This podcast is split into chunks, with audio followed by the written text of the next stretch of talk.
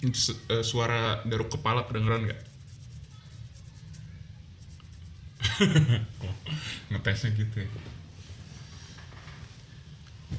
Ya Bismillah. Assalamualaikum. Hari Selasa Siang. Jam 2 Tadi hujan langsung terang lagi. Tapi tiba-tiba Angin Menerjang. Gak kencang sih Cuma yang eh, Cukup membuat eh, Pohon-pohon bergoyang. Eh, Ya begitulah ya. Kenapa biasanya saya di awal eh, Bikin beginian tuh pasti ngomongin cuaca? Tapi kayaknya eh, satu-satunya tema yang paling pas untuk membuka perbincangan itu hanya tentang ya cuaca gitu. Kayak eh, hari ini cuacanya cerah ya gitu. Aduh pak, misalkan hujan mulu nih gitu. Atau misalkan pak di dari mana misalkan tadi hujan nggak di sana kan gitu ya. Eh, cuaca itu mungkin untuk berdekade-dekade itu sebagai tema yang ya cocok dalam membuka suatu percakapan. Tapi yang jelas eh, oh ya satu lagi kalau enggak nanya kabar ya. Eh, bagaimana kabar kalian para para pendengar? Kita sebut aja pendengar kali ya. Para pendengar eh, sehat. Ya semoga tidak ada yang terpapar eh, penyakit yang aneh-aneh gitu ya. Semua penyakit lah. Dan juga yang sudah memiliki pun ya kita doakan semoga penyakitnya menghilang sembuh seketika dan bisa beraktivitas normal lagi gitu ya. Itu aja sih. Ya gitu kalau nggak cuaca nanya kabar. Kab- nggak ada tuh yang kayak misalkan baru ngomong baru ketemu kayak eh, gimana bisnisnya?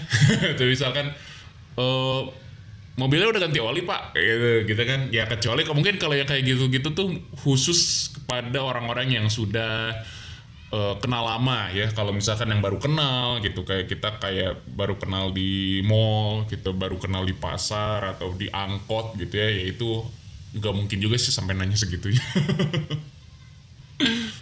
Ya begitulah Pokoknya langsung aja lah ini soal bagian kelima CPNS kok jadi ngurusin ini ya? Cuaca segala macam. Ya melanjutkan yang kemarin. Intinya kemarin kan alhamdulillah sudah lolos SKB seleksi kompetensi bidang seleksi kompetensi bidang eh tahapan selanjutnya adalah pemberkasan. Nah, ini mungkin agak lega sedikit ya, karena gini loh. Ya balik lagi saya katakan bahwa SKD dan SKB itu yang bikin degannya itu karena kita ada lawannya. Maksudnya kita kalah karena ya ada lawannya gitu. Nah, mungkin perbedaannya mungkin untuk pemberkasan ini eh bisa jadi kita disebut TMS atau batal gitu. TMS itu apa sih kak? Eh, TM- TMS itu tidak memenuhi syarat. Maksudnya eh, syarat yang kita ajukan ini tidak sesuai dengan permintaan dari eh, instansi seperti itu. Jadi misalkan ya itu tadi eh, ijazahnya salah, nilainya kurang lah, formasinya beda, terus tidak sesuai dengan kualifikasi segala macam. Nah itu bisa disebut sebagai TMS gitu. Dan ini sangat ya sering terjadi juga di apa pemberkasan setiap tahunnya katanya ya gitu. Nah, bedanya itu ya balik lagi perbedaannya dengan SKD SKB eh, dan pemberkasan ini adalah pemberkasan itu mungkin bisa jadi kalah dalam tanda kutip ya, kalah karena diri sendiri, karena kecerobohan diri sendiri dan banyak banget yang kejadian kayak gitu. Misalkan kemarin tuh sempat saya singgung waktu ketemu calon dosen di UNJ yang dia pernah kata bahwa di tahun kemarin sebenarnya sudah ikutan, hanya saja ya hanya saja eh, waktu pemberkasan itu surat lamarannya ini salah gitu salah Eh, harusnya mengikuti instansi yang dia lamar tapi malah iku- eh, mengikuti format temennya surat lamaran temennya entah dari instansi mana gitu. Sama sih katanya sama-sama CPNS cuma beda format dan akhirnya gagal karena itu tadi ngikutin format temennya ya sayang banget sih udah sampai pemberkasan udah tes segala macamnya dan akhirnya gagal gar- karena hanya satu file saja karena satu berkas yang keliru gitu loh. Ya saya sangat disayangkan ya. Tapi nah inilah ya mungkin kenapa kenapa sih kok yang fatal banget cuma ini apa cuma karena salah format lalu apa nggak bisa di ini apa nggak bisa di terima gitu ya TMS lah kita sebut karena sistem sistemnya pun tahun kemarin dan tahun ini itu berbeda. 180 derajat berbeda. Perbedaannya apa? Kalau dulu tuh fisik. Intinya ini dulu tuh fisik sekarang digital. Ada yang namanya doku digital dokumen digital begitu. Jadi kita hanya mengirimkan berkas ini lewat digital. Nah, gitulah. Nah ceritanya kita dari awal ya ceritanya dari awal eh, setelah pengumuman langsung nih kita siap-siap untuk pemberkasan. Pem- kan pengumumannya kur- kurang lebih tanggal 30 31 ya. Setelah itu langsung keluar eh, di saat yang sama kita lolos seleksi itu langsung ada juga s- persyaratan apa, berkas-berkas apa yang dibutuhkan ketika pemberkasan nanti. Nah, nah, di situ tuh langsung saya baca dengan ini dengan seksama dan dalam tempo yang sesingkat-singkatnya. ya intinya dibaca eh, sedetail mungkin. Saya karena ini penentu banget kalau misalkan ada yang salah ini gugur lah gitu. Dan di situlah keluar berkas-berkas apa saja yang harus dipersiapkan. Kita nggak langsung eh, ngurusin digital digital gitu ya. Oh ya eh, kita tarik dulu ke belakang deh mohon maaf. Kenapa tahun lalu itu berbeda dengan tahun ini? Karena tahun lalu itu pernah saya baca-baca gitu ya di 2018 eh, pemberkasan di 2018 ternyata harus menyiap ya sama menyiapkan dokumen, menyiapkan berkas hanya saja bentuknya fisik. Jadi ada yang aslinya lah, ada yang fotokopian yang dilegalisir lah atau apa segala macam lalu nanti dimasukkan ke dalam amplop yang berbeda, yang satu fotokopian yang satu eh, legalisir atau aslinya gitu kan. Terus dimasukkan lagi ke dalam satu amplop ya disatukan lagi lalu mesti diberi nama dikirim pakai kantor ke kantor pos segala macamnya dan langsung dikirimkan ke instansi. Jadi fisik benar-benar fisik ada kelihatan barangnya eh salah satu sisi memang memang seperti itu gitu ya. Jadulnya tuh seperti itu. Hanya saja masalahnya adalah nah seperti yang eh, saya ketemu sama calon dosen ini ketika salah ya kita nggak bisa ngirim ulang gitu. Jadi sudah dikirim nih ke kantor pos ya sudah kita harus eh, lepas tangan gitu. Secara ikhlas kita menerima hasilnya akan seperti apa.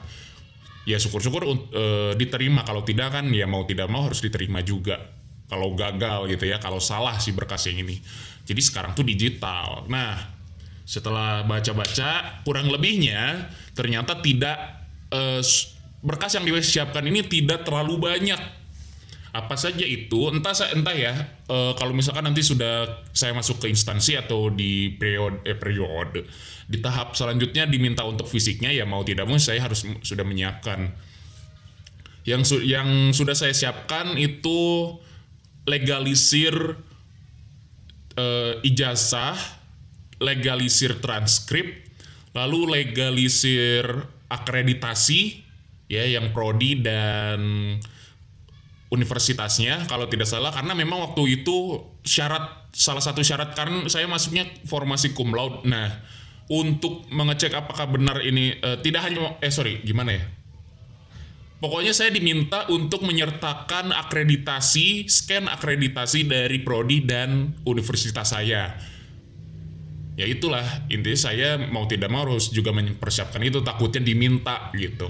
Lalu apalagi ya, itu sih yang paling penting ijazah, transkrip, eh, mungkin scan KTP, scan KK, lalu pas foto, pas foto pun yang digital saja tapi yang memang kualitas yang baik gitu ya. Lalu eh nah ini kemarin tuh diminta di di pemberkasan ini kalau tidak salah tuh ijazah, transkrip, SKCK, lalu surat keterangan kesehatan yang terbagi ketiga bentuk ya kesehatan jiwa, eh, kesehatan jasmani gitu ya atau apa gitu eh kesehatan mental Oh kesehatan rohani disebutnya. Kesehatan rohani surat keterangan sehat jasmani lalu bebas narkoba dan nanti ada daftar riwayat hidup. Nanti daftar riwayat hidup terakhir ya.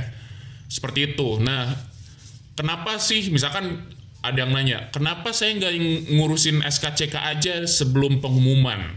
Gitu kan. Karena gini loh kayak setelah kita apa setelah kita tes kan kemarin tuh kalau tidak salah akhir September. Lalu uh, pengumumannya tuh 30 Oktober ya ada jeda tuh satu bulan kita deg-degan dan mungkin bisa aja kita sambil santai kita nggak ngurusin SKCK gitu banyak banget pertanyaan ini uh, sebenarnya untuk uh, setiap instansi ya untuk setiap instansi itu uh, ada permintaan khusus. Misalkan gini, karena di SKCK itu ada deskripsi keperluannya untuk apa. Misalkan contoh kayak kalimatnya persyaratan pemberkasan CPNS atau melamar sebagai CPNS atau uh, salah satu syarat CPNS. Nah, ini kalimat ini yang sangat dipentingkan. Maksudnya adalah ketika nanti pengumuman kita lolos di SKB dan keluar juga berkas apa yang diminta, nanti di situ tuh ada kalimat yang harus tercantum pada SKCK gitu loh. Jadi secara tidak langsung pengumuman dulu keluar, kita ketahui dulu kalimatnya yang di, yang diminta apa, keperluannya untuk apa, baru kita bikin SKCK-nya. Daripada kita udah bikin SKCK, keperluannya ternyata beda, yang diminta itu persyaratan pemberkasan CPNS tapi kita malah nulis melamar sebagai CPNS gitu kan memang sih itu hal minor tapi sangat diperhatikan oleh instansi gitu. Jadi tolong uh, diperhatikan secara seksama aja si uh, permintaan pemberkasan ini gitu loh. Nah setelah itu uh, eh, SKCK saya urus setelah pengumuman kan gitu ya. Nah yang pertama kali saya urus itu SKCK dulu. Oh ya dua hal dua hal yang saya harus ngurusin berkas ini ke instansi terkait SKCK dan surat keterangan sehat dua itu saja tapi luar biasa melelahkan ternyata. Yang sisanya itu kayak misalkan uh, ijazah transkrip gitu kan. Lalu ada surat pernyataan itu mudah sekali surat pernyataan tinggal di print tanda tangan dibubuhkan materai gitu ya ditempel materai lalu di scan ulang. Nah, karena ini bentuknya digital, jadi semuanya harus berbentuk file, berbentuk soft file. PDF ya formatnya PDF dan katanya tuh kalau tidak salah jangan lebih dari 500 kilobyte filenya. Jadi kalau misalkan ada yang sampai sekali scan 1 mega gitu kan 2 mega, tolong di kompres gitu ya, dikompres banyak kok di resize atau bagaimana caranya supaya si si ukuran file ini tidak terlalu besar seperti itu. Jadi 200 eh, 300 itu udah aman dan bisa diupload ya karena jangan sampai lebih kalau le lebih dari situ tidak bisa diupload oke lanjut. Jadi yang ya karena ijazah sudah aman transkrip sudah aman dan lain-lainnya eh, surat pernyataan lalu surat lamaran juga sudah ya. Waktu di awal itu sudah pernah surat lamaran jadi otomatis sudah terisi. Uh, yang saya urus adalah SKCK ke mana itu harus diurus ke Polres Tabes. Misalkan kalau saya masuknya kan Kabupaten Bogor, jadi harus saya urus ke Polres Tabes Kabupaten Bogor, bukan Kota Bogor. Jadi setiap ininya beda-beda. Tapi kalau kemarin tuh di Kota Bogor tetap ngurusnya ke Kabupaten Bogor juga, eh, eh ya Kabupaten Bogor juga. Dan yang lain-lainnya itu tuh harus sesuai dengan KTP kalau saya entahlah misalkan ada kawan-kawan yang sedang di luar kota tapi KTP-nya KTP domisili asal Ya, ini saya belum tahu uh, jawabannya seperti apa, tapi kalau bisa urus saja di domisilinya masing-masing. Dan prosesnya pun sebenarnya cepet banget, itu nggak perlu yang sampai setelah kita ngisi, ngasih berkasnya, mau ini berkas bukan CPNS ya, tapi berkas keperluan eh, SKCK-nya ini itu kita beri uh, kita isi data, kita kirimkan dan sudah satu nggak sampai dua jam gitu ya itu sudah langsung terbit dan mudah sekali. Nah ini yang serunya. Jadi gini, uh, waktu itu saya ber, sudah tanggal berapa ya kalau tidak? Oh nih uh, masa pemberkasan ini sebenarnya hanya 15 hari. Cepet banget bisa di, bisa dibilang cepat enggak lama juga enggak ini memang sangat pas hanya saja kita harus berbu, berburu momen kayaknya ini kita sebutnya berburu momen. Jadi siapa cepat dia dapat itu juga pasti uh, diiakan gitu ya. Tapi ya kita harus tahu jeda uh, kita harus tahu kapan harus melakukan apa. Jadi di paling awal nih sekitar karena dimulainya 1 November kalau tidak salah. Iya 1 November dari tanggal berapa saya SKCK pokoknya di awal-awal banget deh um, tanggal 3 tanggal 4 saya udah ngurus SKCK saya datang nih ke Polrestabes di Bogor ya saya datang nyampe sana eh, siang sebenarnya jam 12 mau jam jam makan siang jam 2 saya berangkat jam 10 nyampe sana jam sekitar jam 12 karena mungkin ya jaraknya juga lumayan jauh juga dari rumah. Dan ternyata setengah hari yang biasanya sampai jam 3 lah paling sore ya sampai jam 3 jam 4 kenapa sudah ditutup? Karena alasannya eh, yaitu pandemi. Jadi semuanya layanan katanya di hanya setengah hari tidak full yang sampai sore ya itulah mungkin agak nganes juga tapi sampai saya ketemu sama satu orang yang eh, ketika saya buka nggak saya buka saya buka dikit gitu ya si ruangan pengurusan SKCK ini lalu ada yang ada yang lagi duduk di situ sendiri ini siapa gitu ya di ruang tunggunya juga. Dan saya lihat saya saya bing ya saya bingung lah gimana gimana gitu. Lalu ditunggu sekitar setengah jam orang ini keluar dan ya kita ngobrol-ngobrol dikit. Mas eh, ah udah bikin belum? Iya udah bikin. Saya jauh ah dari ini katanya dari Jasinga. Saya nggak tahu Jasinga tapi kayaknya jauh banget untuk sampai ke Polrestabes Bogor. Eh, ya segala macamnya dia sampai katanya melas-melas karena udah jam 12 dan sudah ditutup tapi karena jauh dia nggak mau yang eh, datang terus tidak mendapatkan hasil jadi mau tidak mau sampai memelas dan ya alhamdulillah diurus juga baik untuk si A-nya ini. Nah, yang jadi masalahnya sebenarnya bukan untuk ngurusin la- langsung datang terus langsung bikin enggak, tapi email apa ya namanya daftar online. Jadi SKCK kan kalau tidak salah daftar online ya, daftar online. Hanya saja ketika kita semua nih para CPNS yang mengurus SKCK bikin eh, daftar online-nya ini semuanya down. Kalau nggak down ya kayak Intinya setelah bikin setelah daftar online kita tuh akan mendapatkan email balasan yang di di dalamnya ada ski- kode pembayaran gitu kalau tidak salah. Jadi ada kayak kecil bisa di print pun nggak terlalu besar. Jadi itu untuk membayar kita nanti membayar di bank gitu, di bank yang sudah di loket yang sudah disediakan di sana.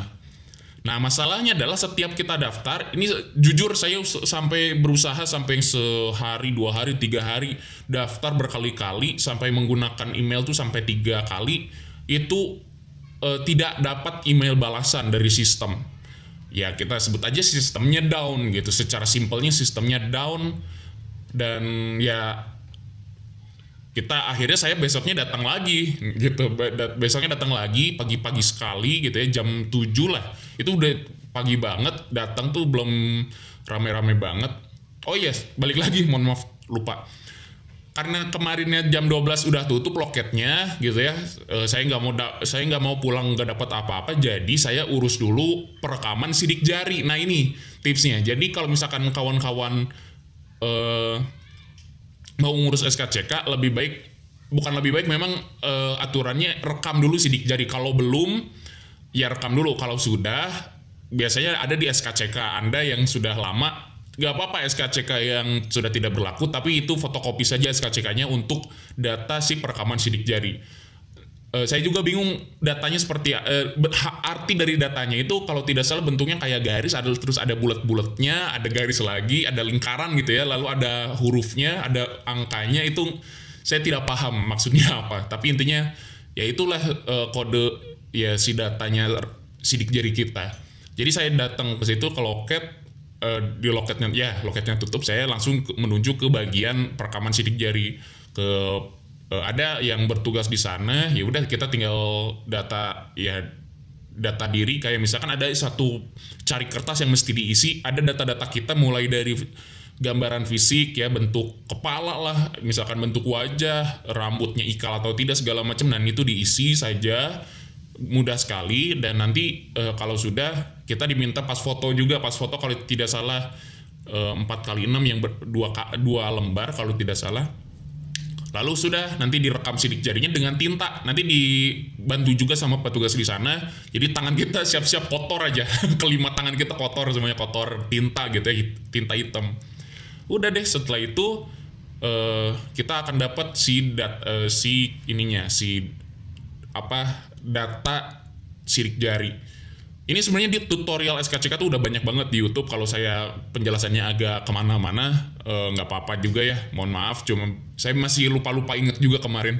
Tapi kurang lebihnya seperti itu. Nanti juga kita diminta kartu keluarga fotokopi kartu keluarga. Nanti si data ininya dipakai pulpen sama petugasnya ditulis di situ. Sebagai nanti eh, syarat untuk membuat SKCK bikin SKCK tuh gampang sih sebenarnya. Cuma fotokopi KTP kakak lalu foto, pas foto sudah. Kalau tidak salah itu aja. Tidak ada kayak surat pengantar dan segala macamnya. Nah kenapa eh, daftar harus ada da- harus ada daftar online ini sebenarnya untuk memangkas eh, administrasi seperti surat pengantar dari RT RW karena dulu tuh ada surat pengantar RT RW karena sudah ada daftar online jadi surat pengantar itu sudah tidak eh, diberlakukan lagi. Cuma masalahnya sistemnya down. Jadi kesal lah kita semua. Ini para CPNS datang-datang kita bingung. Email pada nggak bisa segala macamnya dan aduh, aduh sorry. Eh, dan akhirnya ya sudah dengan terpaksa petugas di sana memberikan kita isian secara offline, secara luring, secara fisik. Jadi ada nanti kayak kertas yang harus kita isi dengan pulpen ya data-data itu ya data-data pribadi, nama, eh, ya biodata seperti biasa lah gitu. Dan isinya tuh formatnya sama persis dengan ada yang di data online gitu, yang di data online. Ke- ini tuh kayak ini isi kertasnya ini seperti data online yang dibukukan lah gitu yang dibentuk jadi kertas kurang lebihnya seperti itu ya nama lengkap segala macam tulisannya eh, kapital gitu nah nanti di dep- di kita tidak hanya diberi kertas tapi ada bentuknya seperti amplop eh amplop map map. Isinya kertas itu tadi yang akan kita isi tapi di dep- di depan map ini ada keperluannya untuk apa. Nah ini yang penting. Bagi kawan-kawan misalkan dari instansi diminta keperluannya untuk eh, kalimatnya seperti ini. Persyaratan pemberkasan CPNS maka tulislah seperti yang diminta oleh instansi. Kalau tidak eh, ya tulis saja apa aja. Karena saya gini karena sepengalaman saya kemarin karena saya dari Kemdikbud dan Kemdikbud tidak meminta eh, isian SKCK-nya seperti apa jadi ya sudah saya isi saja eh, persyaratan pemberkasan CPNS karena gini setiap instansi itu itu eh, beda-beda lah ininya permintaannya. Jadi ikuti saja permintaan Kemdikbud. Jangan ikuti teman yang teman-teman yang lain. Nanti pun eh, anda ketika datang ke Polrestabes mengurus SKCK akan bertemu dengan para CPNS yang lain yang sedang mengurus SKCK serius banyak banget. Mungkin ada sekitar 100 orang yang datang ke sana gitu. Dan usahakan pagi-pagi supaya alhamdulillah kemarin juga saya dapat paling pertama gitu barisan paling pertama segi- segitu jam 7 pagi. Dengan ya itulah problem yang sama juga. Saya nanya mas eh, gimana? Dapat email nggak enggak ini udah nyoba berapa kali gitu. Dan saya tanya-tanya tanya ternyata ada yang dapat nih eh, cewek gitu ada yang dapat. Mbak udah dapat? Ya udah dapat. Gim oh gimana caranya? Yang saya udah nyoba 8 email katanya saya udah nyoba 8 email terus dia nyoba udah sampai tiga hari juga gitu ya di berkali-kali berkali-kali berkali-kali.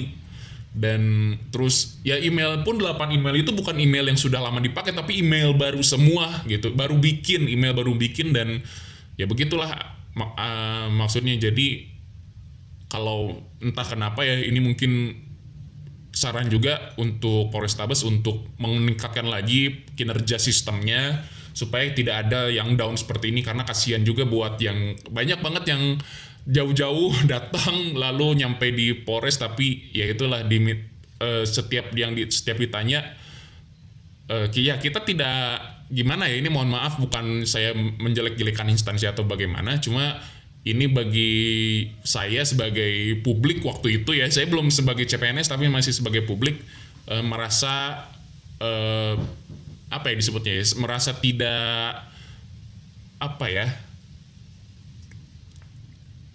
ya merasa dirag- diragukan, merasa dirugikan lah kita sebut aja, merasa dirugikan. Belum waktunya apa segala macamnya kita datang ke sana tuh eh, lumayan jauh, lumayan jauh. Tadi kayak ada saya bertemu dengan orang yang dari Jasinga, ada yang dari Cilengsi, ada yang dari ma- mana gitu, ada yang dari pelosok bahkan Kabupaten Bogor itu eh, luas banget dan ya begitulah ya ini bukan gimana gimana ini intinya saya minta mungkin sistemnya bisa di- diperbaharui di kinerjanya lebih baik lagi itu saja sih karena katanya setiap tahun seperti ini terus gitu itu aja sebenarnya masalahnya ya masalahnya di, di situ saja.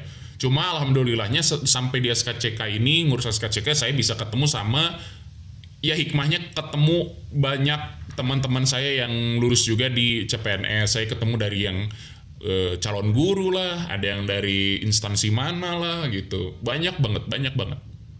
Lalu e, saya juga ketemu sama satu orang. Nah ini yang entah kenapa uh, luar biasanya Allah Subhanahu wa taala saya bisa bertemu sama orang ini dia uh, saya enggak saya enggak akan sebut nama dia CPNS dari BKKBN nuhun bro luar biasa ente mantap. Uh, karena saya di Palembang dia nantinya di Palu Sulawesi jadi mantap jauh. Tapi ya begitulah ya uh, namanya hidup gitu. Dia laki-laki kita ngobrol-ngobrol segala macamnya dan ya itulah pada akhirnya sampai nanti uh, di surat keterangan sehat kita bareng-bareng bikinnya. Nah, SKCK ngasih berkasnya kan karena kemarin rumusan rumus sidik jarinya sudah jadi gitu ya. Uh, lalu kita berikan juga berkas-berkas yang diminta fotokopi kakak, KTP, pas foto. Sudah dikirimlah ke uh, eh dikirim diberikanlah ke loket gitu ya dan siap-siap saja anda dibentak oleh petugas karena ya rata-rata orang Indonesia lah ya kalau ngantri apa segala macam pasti kalau nggak ngobrol berisik atau ya begitulah ngedumel gitu. Dan ya gitu e, ini saran saya lah ya sebelum anda ngurus SKCK datang ke tempatnya anda lebih baik cari dulu informasi sedetail mungkin di internet di YouTube di Google dan ya pokoknya di platform mana pun di internet. Jadi nggak datang itu anda masih bingung harus nanya-nanya lagi. Kayak misalkan datang terus bingung aduh persyaratannya apa aja ya? Gitu. Itu masih nanya ke petugas dan itulah yang bikin petugas stres karena banyak banget uh, yang masih belum ngerti bikin SKCK itu kayak gimana. Jadi tolong ini zaman udah canggih jadi bisa cari dulu di YouTube gitu ya. Saya juga kemarin kalau nggak dari YouTube malas juga dat harus datang dulu ke Polres terus nanya-nanya terus balik lagi gitu. Itu aja sih ya uh, buat SKCK simpel banget hanya kemarin tuh ya prosesnya nggak sampai berjam-jam gitu. Kayak udah anda harus siap-siap ngantri anda harus siap-siap ngurus berkas kalau ada yang ketinggalan anda harus lari-lari gitu ya. Lalu ya itu aja sih. Dan mungkin bagi kawan-kawan yang sudah bikin SKCK eh, juga pasti sudah paham lah harus seperti apa. Kalau misalkan belum juga ya silahkan anda nikmati saja prosesnya dan mudah sekali gitu. Tapi kalau misalkan ini ini kan email ya ada yang kayak sistem online tadi. Kalau misalkan memang karena gini loh, kayak kebutuhannya kemarin sangat mendesak banget sih. Bayangkan saja waktu pemberkasan ini hanya 15 hari, gitu kan, hanya 15 hari dan yang jadi CPNS itu nggak sedikit, itu ratusan ribu orang. Jadi yang lolos SKB ya saya sebut itu ratusan ribu orang jadi mau tidak mau ya sistem akan down apalagi sistemnya ini nggak yang per kabupaten ngerti nggak sih kayak kemarin tuh daftar online SKCK tuh nggak yang Eh, per kabupaten satu sistem atau satu server enggak. Tapi ini memang nasional. 300 ya bayangkan saja ratusan ribu orang mengakses SKC daftar online SKCK dalam waktu yang sama ya down gitu. Ya itulah ya uh, intinya selamat berjuang dalam mendapatkan email. Tapi kalau tidak pun ya kalau tidak pun ya minta kesediaannya dari petugas yang ada di loketnya masing-masing um, ya minta tolong saja Pak saya minta tolong daftar ini aja daftar ya secara fisik saja ada berkas kertasnya gitu loh biar nggak apa-apa kita tulis aja dan ngisinya pun nggak terlalu lama cuma paling berapa menit gitu nama gitu saya tulis aja kapital semua kan saya Tian gitu panjang banget. Udah dapat uh, eh, SKCK dan alhamdulillah cuma murah sih 30 ribu dan kemarin tuh ada foto samping ya foto kiri kanan. Oh ya lupa. Jadi di rekam sidik jari itu ada kita diminta untuk melampirkan foto samping. Samping tuh maksudnya kita samping kiri samping kanan tubuh kita gitu ya. Nah itu diminta fotonya juga. Kalau kita tidak kalau kita punya itu lebih baik. Kalau tidak punya ya nanti akan diminta uh, akan difoto sama petugas dan di, uh, diminta uh, biayanya 20 ribu tapi daripada 20 ribu ya menurut saya lebih baik Anda foto sendiri yang bagus di rumah dengan setelan yang formal gitu ya. Foto kiri kanan di print deh barengan sama pas foto dan sama saja hasilnya gitu. udah lalu kemarin ngurus SKCK pun murah cuma 30.000 ribu aja dan itu dibayar saya bayarnya di loket di loket langsung ya kalau tapi kalau misalkan di sistem online di daftar online dia bayarnya di loket bank e, BRI nanti di situ ada khusus loket bank BRI nanti kita bayar saja langsung di situ. Simple banget. Cuma mungkin itu aja sih sistemnya aja sih. Karena kasihan juga bagi ya itu aja ngeluhnya semua orang itu Nah, lalu oh ini udah zaman covid ya, jadi memang protokol kesehatan harus tetap dijaga. Jangan sampai yang namanya ngantri jangan desek-desekan gitu ya yang masuk ruangan tiba-tiba 100 orang itu jangan lah tetap santai aja jaga jarak. Tapi ya insya Allah sebelum jam 12 kalau kamu masih men, yang, yang penting dapat nomor antrian aja. Kalau udah dapat nomor antrian kamu udah aman. Kamu mau misalkan udah no, dapat nomor kamu mau ke WC dulu atau ke mana itu masih ya menurut saya sih aman ya. Dan gak parah-parah banget.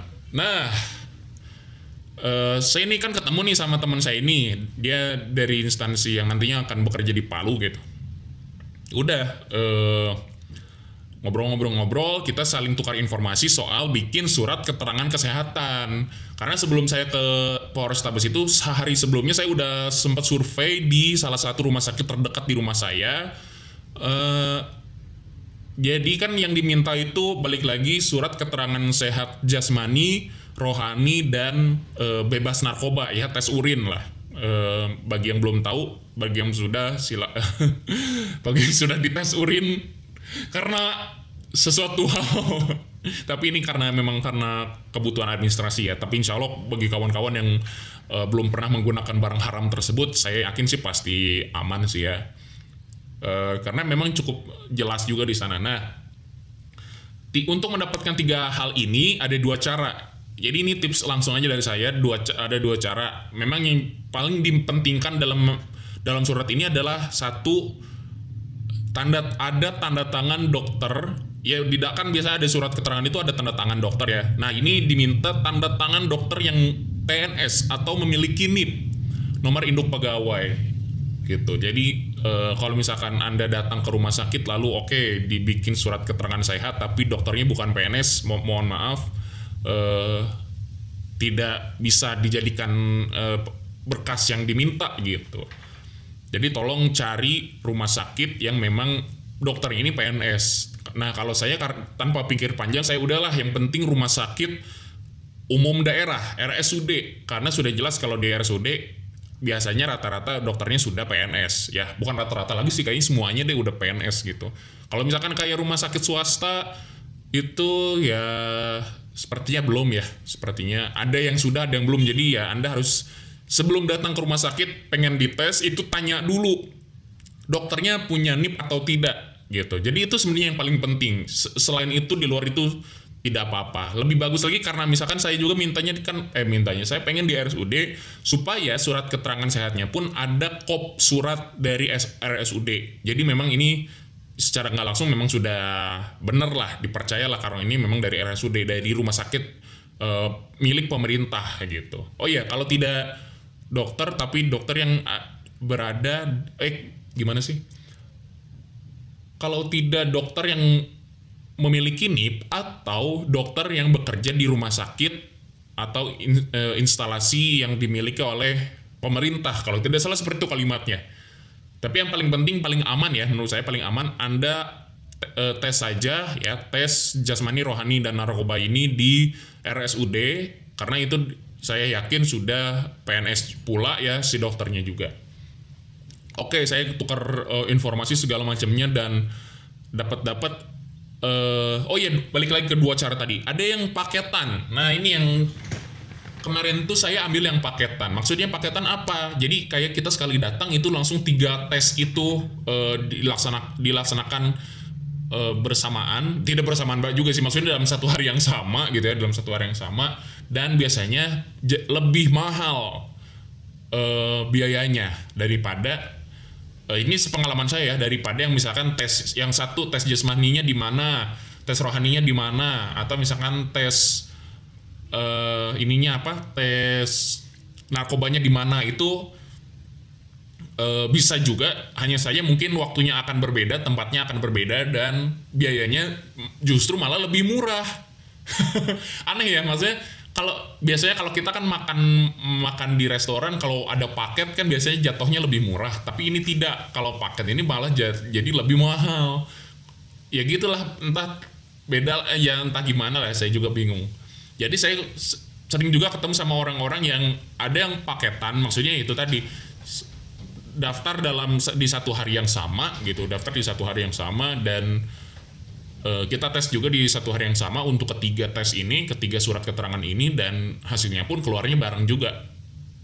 Lalu ada juga yang masing-masing gitu dan ternyata pas ditanya pas ditanya kalau masing-masing kayak gini tesnya berbeda ya di tempat yang beda di waktu yang beda ya lebih murah biayanya kalau dihitung-hitung gitu. Nah kemarin saya pertama kali cek di RSUD dekat rumah saya itu biayanya 1,2 dan bisa lebih. 1,2 juta ya. Itu langsung dari saya tanya langsung ke dokternya nggak yang kayak misalkan ada uh, pamflet terus di situ ada angkanya? Nggak saya langsung tanya ke dokternya 1,2 mantap. Lalu ya gitu saya tukar-tukar. Kemarin juga sempat ngecek ke BNN gitu ya. BNN kan ya saya mau tanya aja kalau misalkan surat keterangan narkobanya aja berapa gitu. Ternyata ya itu lebih murah 250 ribu tapi narkobanya aja. Lalu ada teman saya juga ngecek di RSUD yang lain sama harganya ternyata 1,2 untuk di Bogor kemarin kalau nggak salah kayaknya hampir sama semua di 1,2 tapi entar pas kemarin tanya-tanya di daerah Jakarta lebih murah. Atau misalkan di Bandung kemarin juga saya dapat data di Bandung 700 ribu 600 ribu itu ya entahlah ya kenapa bisa beda-beda kayak gitu. Ya sudah akhirnya saya jatuhkan pilihan ke karena ini juga saya dapat infonya dari di, dari dia nih teman saya yang baru ketemu di Polres gitu ya. Nuhun pisan bro luar biasa ente mantap. Pokoknya langsung uh, dapat info itu Kenapa saya pilih di rumah sakit itu? RSUD juga ya RSUD satu yang paling yang paling yang jelas adalah saya memang pengen paketan aja. Saya nggak mau yang harus ke sana kemari terus ngurus apa segala macam beda tempat gitu ya. Capek lah di jalannya. Uh, itu satu paketan. Yang kedua uh, ada kop suratnya ya karena ada di RSUD gitu ya kop surat RSUD langsung. Dan yang ketiga murah ternyata. Hanya kemarin tuh saya habis 700-an 700 lebih lah 700 lebih berapa gitu. Dan uh, bisa bisa kurang. Nah nanti saya jelaskan kenapa bisa kurang dari 700 pokoknya 700 lebih itu sudah dapat tiga paket ini daripada satu juta 200 dan ya lumayan kan 500 ribu diskon gitu. Tapi dengan perjuangan yang ternyata lebih berat kemarin itu. Ya nggak apa-apa lah. Ya alhamdulillahnya kemarin ya pokoknya saya sama si teman saya ini berangkat nih uh, mau ke rumah sakit Nah, kebetulan juga di dekat rumah sakit ini ada rumah saudara saya, jadi saya ikut nginep di sana juga. Uh, Hamin satunya mau tes gitu ya, karena bayarnya ternyata nggak yang DP dulu, misalkan ada kayak ngambil dulu daftar antrian itu nggak ada. Jadi kayak gini loh sistem di rumah sakit itu. Kita datang nih pagi-pagi dan itu ya udah kalau kita datang paling awal ya udah kita dapat antrian nomor satu. Udah gitu doang. Gak ada yang kayak misalkan DP dulu lah apa segala macam dan daftarnya katanya ya ada daftar daftar online. Tapi nggak nggak tahu saya onlinenya di mana. Ya udah yang penting saya datang aja yang paling pertama gitu. Karena teriming-imingi murah juga ya udah saya ngebela-belain dari Bogor mesti ke rumah sakit itu yang agak jauh lah kita gitu ya hampir keluar kota juga. Nah sampai di rumah saudara saya malamnya saya juga kan uh, ya teman saya juga ikut nginep juga di rumah saudara saya supaya lebih dekat juga ke, ke rumah sakit. Ya udah kita barengan aja satu motor. Eh ceritanya nih Hamin satu ma mal, uh, besok paginya ini mau tes tapi malamnya ini setelah isya itu kita kayak ya udah pengen datang aja dulu ke rumah sakitnya biar tahu tempatnya di mana. Kita cek situasi dulu uh, kali aja ada informasi apa segala macem. Kita berangkat gitu ya kita berangkat ke sana malam tuh jam 7 jam 8an nyampe rumah sakit. Ternyata sudah uh, rame rame dalam tanda kutip kayak ini kayak orang yang datang di situ yang ini akan di depan gedungnya itu ada kayak ruang bukan ruang tunggu kayak kursi-kursi tunggu panjang gitu ya. Nah di situ udah banyak banget orang yang rada ngumpul-ngumpul entah kenapa. Terus saya datang sana ada, ada yang nyautin saya yang yang lagi duduk ini. Mas, Eh, ya pak mau daftar ya? Iya mau daftar oh sok eh, tulis aja dulu gitu. Nah tulis ditulis. Maksudnya apa nih? Nah gitu. Ini ini ini drama dimulai nih drama dimulai. Tulis nih eh, nama saya di situ. Oke lah saya nggak apa-apa lah nama tulis nama doang gitu. Dan keperluannya apa? Karena kan saya CPNS gitu ya. Eh, kita sebut aja MCU medical check up. Karena memang me- untuk medical check up kan ke- eh, ketentuannya. Ya udah tulislah di situ MCU nama saya sama nama teman saya. Udah setelah itu kita ngobrol-ngobrol. Dan itu tadi ternyata nah di sini saya dapat eh, dramanya. Ini saya nggak sebut rum- eh, saya sebisa mungkin tidak sebut rumah sakitnya supaya eh, tidak menjadi aib juga. Saya saya tutupi ya. Intinya eh, di rumah sakit ini eh ya itu tadi kan karena sistemnya itu tidak ada yang booking lah. Ada sih daftar online cuma ya itu juga saya nggak tahu caranya kayak gimana. Jadi harus da intinya kalau mau dapat layanan itu harus kamu harus datang paling pagi. Kamu harus paling pertama datang. Udah intinya itu aja gitu. Eh, oh ya kalau eh, tambahan info ini tuh pas malamnya malam Jumat. Yang nggak apa-apa sih malam Jumat tapi bayangkan aja besoknya Jumatan. Sekarang malam Jumat di rumah sakit. Ya bayangkan aja lah ya bayangkan malam Jumat di rumah sakit. Lanjut saya ngobrol-ngobrol kan sama yang itu banyak banget eh, ada ibu-ibu kayak nggak banyak banget sih kayak sekitar tujuh orang juga ya menurut saya udah banyak. Tujuh orang dan di mana layan rumah sakit udah pada pulang lah satpam juga paling ya duduk-duduk santai gitu udah pada beres ya beres kerja gitu ya. Kita nulis-nulis kan nulis nama. Ternyata di, di dalam daftar nama itu sudah banyak sekali nama yang saya nggak tahu juga siapa siapanya dan keperluannya ba- banyak. Ada yang itulah poli apa eh, penyakit apa segala macam di situ sudah mereka nulis. Dan saya nanya kenapa harus ada tulisan-tulisan gini? Ya secara nggak langsung katanya intinya gini ya simpelnya. Jadi karena tidak ada sistem booking secara, secara tidak langsung dengan adanya tulisan ini kita sesama pasien ini sudah ber apa ya kayak kita tuh udah apa ya udah saling kerjasama lah.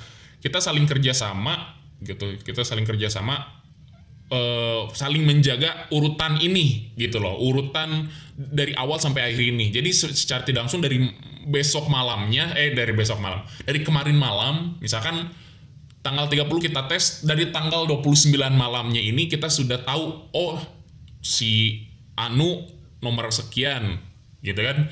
Si Anu daftar antrian berapa gitu. Saya misalkan dapatnya 10 teman saya dapatnya antrian 11 ya kurang lebihnya seperti itu. Meskipun memang tidak ada sistem resmi dari rumah sakit hanya saja ini kayak kita bikin kesepakatan bersama lah kurang lebihnya. Kesepakatan bersama antar pasien biar kita saling menjaga aja. Toh takutnya dat- eh, ada yang datang tiba-tiba nyerobot antrian gitu. Padahal kita dari malam udah standby di sini. Karena ternyata ternyata kan saya Jumat kalau nggak salah memang ya itulah Jumat ternyata eh, hari apa ya Oh iya. Di rumah sakit ini tuh membuka MCU itu membuka layanan MCU itu hanya tiga hari dalam seminggu. Senin, Rabu dan Jumat. Ya kebayangkan ya?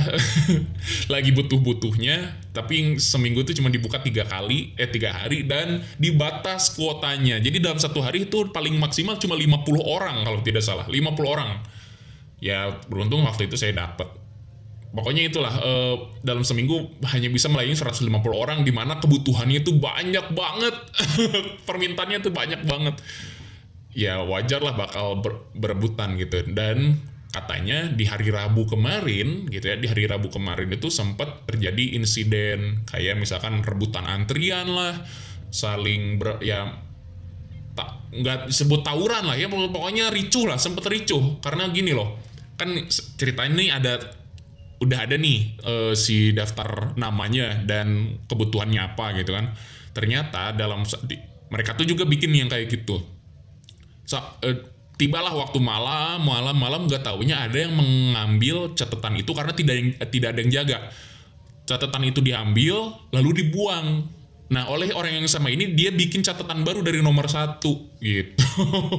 Jadi besoknya secara tidak langsung kayak misalkan ada no orang nomor satu di catatan pertama dan ada nomor sa- orang nomor satu di catatan kedua ketemu jadi mereka mau ya secara simpelnya mereka rebutan lah ya ricuh lah berantem lah gitu saya kan nomor satu di catatan ini padahal ya secara tidak langsung dalam tanda kutip eh, satpam atau pihak rumah sakit juga tidak tahu atas sistem ini gitu. Ini kan sistemnya sistem bikin-bikinan lah ceritanya. Ini memang sesama apa ya secara tidak langsung kayak sesama pasien tuh saling saling mengerti lah gitu.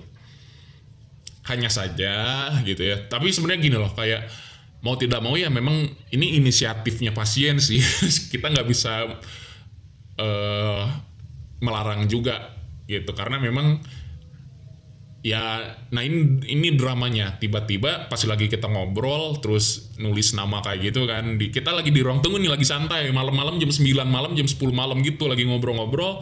Nggak taunya datang satu ibu-ibu pakai motor lalu ngam ya pakai baju biasa saya kita kira ya kita kira yang lagi duduk di sana itu adalah si ibu ini yang juga sama-sama pasien tiba-tiba dia ambil kertasnya lalu diambil dan dirobek. Dirobek. Si kertasnya dirobek. Ya udah langsung dia marah-marah. Nggak ada ya yang nyatet-nyatet kayak gini. Pokoknya kalian itu nanti datang aja pagi-pagi jam 5 kalau bisa. Udah habis itu ya udah habis itu ibu ibu-ibu ini masuk ke dalam rumah sakit. Ternyata si ibu-ibu ini satpam ya gitu. Jadi kita shock lah ya. Kita udah capek-capek nulis segala macam. Bukan nulis ya kita capek-capek nulis. Kayak ini orang-orang udah pada datang terus udah nulis. Ya secara tidak langsung mereka mengamankan diri agar bisa mendapat nomor antrian. Tiba-tiba sobek ya disobek si kertasnya ini. Udahlah dari situ insting saya udah mulai waduh ini kayaknya nggak beres nih gitu. Dan langsung saya ngomong ke teman saya bro nginep ini kayak akhirnya ya mau nggak mau malam Jumat di rumah sakit kita nginep di situ. Uh, ya nginep uh, secara harfiah nginep. Dan nginepnya di mana? Ya tidurnya di situ di kursi panjang itu. Dan ya begitulah sampai ada yang suami istri gitu ada si bapaknya juga kayak ngerasa apa ya ya nggak enak lah ngerasa nggak enak. Kalau bisa pengen ngemarahin balik si satpam ini gitu. Cuma sama istrinya di pak pak udah pak jangan pak jangan pak gitu. Segala macam. Udah jangan usah nanti malah tambah rame gitu. Ya. Ya udahlah akhirnya si ibu satpamnya tidak masuk. Ibu ibu-ibu ya satpamnya ini ibu-ibu.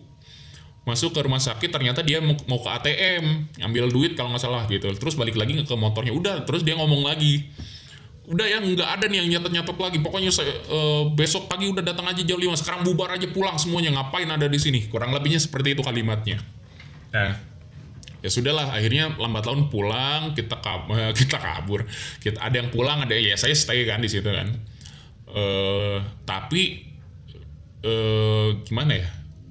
Oh iya saya sama teman saya itu dari situ tuh balik lagi ke rumah rumah saudara saya ngambil baju siap-siap karena sampai ini kayak ngambil baju buat besok lah ceritanya nyiapin buat besok. Ya sudah kita pulang nih saya sama teman saya dulu pulang saya ngomong saya ngomong dulu lah saya sama yang lagi ini apa pasien-pasien juga di sana ada yang nganter lah ada yang memang langsung pasien ini. Nih ada pasien yang bapak-bapak juga yang kom, sakit komplikasi sampai harus nginep juga di situ ternyata bertahun-tahun harus kayak gitu gitu karena dengan sistem yang rumah sakit tawarkan seperti ini ya mas ya begitulah ya. Intinya gitu saya pulang dulu ke rumah saudara saya ngambil baju ganti baju gitu kan. Nah setelah ganti baju e, buat tidur lah gitu ya siap-siap tidur di rumah sakit ya udah kita balik lagi. Nggak taunya makin rame. Pas sampai sana tuh rame banget keng aduh uh, ya gitulah sama samanya. Ternyata ya untungnya setelah saya tanya cari-cari info lagi ada si bapak-bapak ini yang memang udah biasa dat yang ini saya sebut aja bapak-bapak uh, strong ya. Karena memang mohon maaf saya sebutkan kayak maksudnya memang komplikasi penyakitnya tapi dia mau tidak mau ya beliau ini sampai nginep agar besoknya bisa ditangani sama dokternya gitu. Dan ya itu memang setiap tahun tuh dia nyerita si, uh, si bapak ini nyerita memang sistemnya seperti ini mau nggak mau gitu. Ya udahlah kita menerima aja gitu. Datang kan datang datang datang datang gitu kan. Kita ada yang nanya pak gimana? Ya udah sini namanya siapa? Gitu segala macamnya. Nah terus saya inisiatif uh, kan lihat nih daftarnya panjang banget banyak banget orangnya. Lalu saya inisiatif ya udah kita tulis aja ya kita coba tulis saya oh ya sebelum itu tuh satpam datang dulu nih tapi beda lagi satpam cowok. Tapi memang si satpam cowok ini sudah paham sama sistem yang seperti ini dan mau ya dia kayak ya sudah mau gimana lagi gitu. Ya yang penting dia menjaga yang penting tertib aja gitu. Yang dia minta tuh yang penting tertib.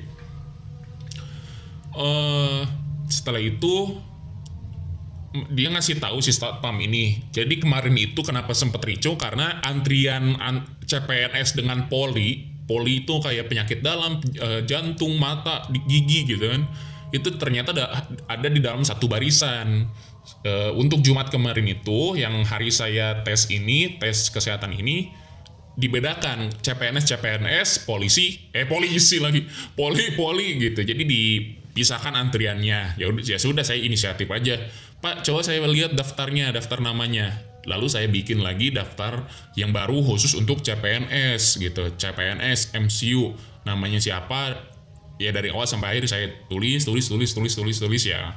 Ketika dihitung kan karena sesuai dengan kuota ya sekitar berapa orang. Oh 30 orang baru ingat saya. Kuotanya cuma 30 orang dalam satu hari tapi entah kenapa kemarin bisa lebih. Saya juga bodo amat lah nggak tahu ya. Pokoknya bisa dapet. Saya tuh masuk di dalam kuota itu di 30 orang ini. Nah ya sudahlah eh dapat daftar saya udah masuk daftar secara tidak langsung eh, secara apa ya kita sebutnya secara de jure gitu de jure eh, saya dapat antriannya tapi secara de facto tidak karena kan tidak diakui sama rumah sakit. Eh de jure atau de facto eh, pokoknya itulah ya. Eh, malam-malam tuh jam 2, jam 11 malam saya nggak bisa tidur. Dipaksain tidur juga emang sih banyak nyamuk tapi karena pakai lotion anti nyamuk jadi aman gitu cuma nggak bisa tidurnya itu tadi karena takut ada yang datang lagi. Mungkin satpam lah apalah gitu takut diusir. Tapi ternyata sih emang aman-aman aja nggak ada yang ini. Toh sampai ada yang tidur di depan persis depan pintunya rumah sakit juga nggak ada nggak ada yang ganggu gitu. Tapi yang kita takutkan juga selain itu adalah orang-orang yang iseng. Iseng dalam artian gini ada orang yang tiba-tiba datang terus lihat catatannya ya itu tadi sama eh, motifnya dibuang supaya dia bisa bikin catatan yang baru gitu. Takutnya ada yang kayak gitu juga. Ya akhirnya eh, sampai malam sampai jam 2 subuh tuh saya masih nggak bisa tidur. Ya tidur juga tidur tidur ayam kayak kadang bangun kadang tidur gitu. Yo sempet saya foto juga di depan rumah sakit malam-malam matang. Malam Jumat malam Jumat ya Allah malam Jumat di depan rumah sakit Eh, bro fotoin dulu bentar kenang-kenangan. Jadi saya kenang-kenangan aja di situ kayak ada kon kon kayak kerucut jalan gitu yang dikasih nama tulisan eh, MCU gitu atau P, ya kalau tidak salah antrian PNS ya udah saya ikut foto aja lah di situ ya buat kenang-kenangan. Di foto jam 2 pagi saya posting aja besoknya. Ya udah sampai jam 3 pagi. Nah ini udah mulai rame nih ini udah mulai drama lagi nih karena ya mungkin gini loh untuk poli mohon maaf saya sebut kayak gini kayak poli itu mungkin rata-rata orang tua ya rata-rata yang orang-orang yang dewasa dan sudah berumur yang memang sudah ya ada yang sudah memiliki penyakit atau misalkan yang nganter pasien apa segala macam gitu kan jadi eh udah pada ngerti lah sama sistem kayak gini tuh nyatet-nyatet nama gitu bikin eh, antrian sendiri tuh udah udah ngerti. Cuma untuk bagi CPNS yang masih muda ya energinya masih banyak luar biasa gitu. Dan ya luar biasa lah ya. Jadi ini sempat ramai juga. Tapi sebelum ke drama ini saya juga ingatkan ya saya belajar serius ini saya belajar wah luar biasa sih maksudnya eh, CPNS itu kayak gimana. Ini saya belajar hidup alah sok-sokan aja. Tapi enggak gini loh. Satu, saya bertemu dengan eh, satu mas-mas, mas-mas. Ya saya nanya kan, biasalah, Mas mau MCU juga? Iya gitu. Oh, ya saya tanya kan otomatis "Eh, lolosnya di mana Mas gitu. Oh bukan eh, istri saya. Oh istrinya, kirain masnya. Iya, ya istri istri saya gitu kurang lebihnya. Nggak kes- nggak ikut ke sini, nggak lagi di rumah. Oh di rumah, iya hamil lagi hamil 9 bulan loh. Saya kaget di situ kan, ternyata ya istrinya sedang hamil tua banget 9 bulan. saya pagi-paginya ketemu dan waduh ngera- jadi nggak enak gitu ya. Dan ya itulah satu tuh pengorbanan seorang suami. Sampai harus nginep bareng saya. Nginep bareng saya di situ tuh sampai kita kenal deket lah. Eh, ya karena ngobrol apa segala macam lah satu satu musuh lah. Ada yang istrinya lagi hamil 9 bulan pagi-paginya datang gitu. Eh, teh gitu kan ya mbak gitu. Ya itu satu lah ya satu. Lalu yang kedua tuh kayak yang datang-datang ucuk-ucuk nggak jelas gitu. Kayak merasa dia tuh kayak nggak ada dosa gitu nggak ada dosa sama sekali. Ya udah datang lah. Padahal kita udah secara halus ya kita udah usir kayak aduh mas daftarnya udah penuh gitu kayaknya mesti besok lagi apa segala macam. Ya udah dia mah kekeh aja mau duduk aja bodo amat di situ mau nunggu sampai pagi gitu. Ada yang kayak gitu juga. Lalu ada yang oh ini nih yang saya, saya masih nggak ngerti. Jadi gini a- ada yang nunggu di situ ibu-ibu. Udah lumayan tua lah ibu-ibu lah. Umur sekitar kayaknya 40-50 tahun. Eh, yang CPNS itu anaknya yang CPNS itu anaknya. Masalahnya adalah eh, entah kenapa gitu ya saya juga jadi si ibu-ibu inilah yang nginep di rumah sakit tidurnya bareng yang bareng kita kita nih di kursi panjang gitu ya kursi besi dingin gitu dan tidur aja gitu di situ. Saya tanya kan anaknya di mana bu? Kenapa nggak diajak ke sini? Oh anak saya memang susah bu. Lah ya gitulah saya secara spontan aja bilang kalau bu saya emang nggak ridho kalau ibu saya sa- kalau ibu saya sendiri yang harus sampai nginap di sini mending saya yang ya saya yang CPNS saya yang harus nanggung gitu kan yang harus nanggung resikonya gitu ya entah kenapa mungkin si ibunya ya karena saking sayangnya sama anaknya gitu kan. Ya itulah anaknya udah katanya sih udah berumur. Ini bukan saya ngomongin aib ya tapi ini kayak jadi pelajaran aja buat kita kayak eh, anaknya ini udah berumur 30 tahunan. Dia CPNS gitu baru sekarang baru lolos gitu. Dan kalau nggak salah tuh eh, bapaknya tuh pensiunan ya pokoknya gitulah kurang lebihnya. Tapi saya nggak jadi bukan mas bukan maksudnya ngomongin masalah keluarga ya tapi satu saya belajar kayak sebegitunya kasih sayang ibu. Sampai anak udah gede pun masih diurus gitu. Ya nginep bro. Maksudnya nginep di rumah sakit nggak ada kasur nggak ada apa. Tadinya mau tidur di di eh, si ibu ini mau tidur di masjid cuma masjidnya juga sepi ngeri lagi. Terus nggak ada kayak nggak ada karpet satupun karena kan lagi covid ya lagi pandemi jadi rata-rata masjid nggak ada yang pakai karpet gitu. Ya sudah akhirnya eh, ngin ya tidur nih pada pada tidur bareng-bareng gitu. Dan ya anaknya dengan santainya gitulah ya eh, ya begitulah gitu. Dan juga oh ini pelajaran juga sih buat saya. Kalau kamu mau jadi apa pun gitu ya apalagi terutama mungkin CPNS khususnya ya berjuang berjuang sendiri aja lah. Jangan kayak apa apa harus tergantung sama orang tua gitu eh ya oke lah kalau misalkan makan ongkos akomodasi apa segala macam. Tapi kalau misalkan sampai orang tua harus nginep di rumah sakit demi menyelamatkan antrian demi anaknya yang lagi CPNS gitu ini menurut saya sih nggak etis juga sih nggak apa ya ya nggak saya sih nggak bisa nggak bisa kalau kayak ha- harus sampai kayak gitu. Ini ini momen saya ini CPNS saya eh ya harus saya yang berjuang gitu bukan jangan sampai ya memang secara fisik saya harus berjuang tapi kan saya cuma sekedar kalau orang tua tuh ya doanya lah yang penting doa eh, berkahnya gitu kan ridhonya udah itu aja cukup gitu. Dan juga uangnya.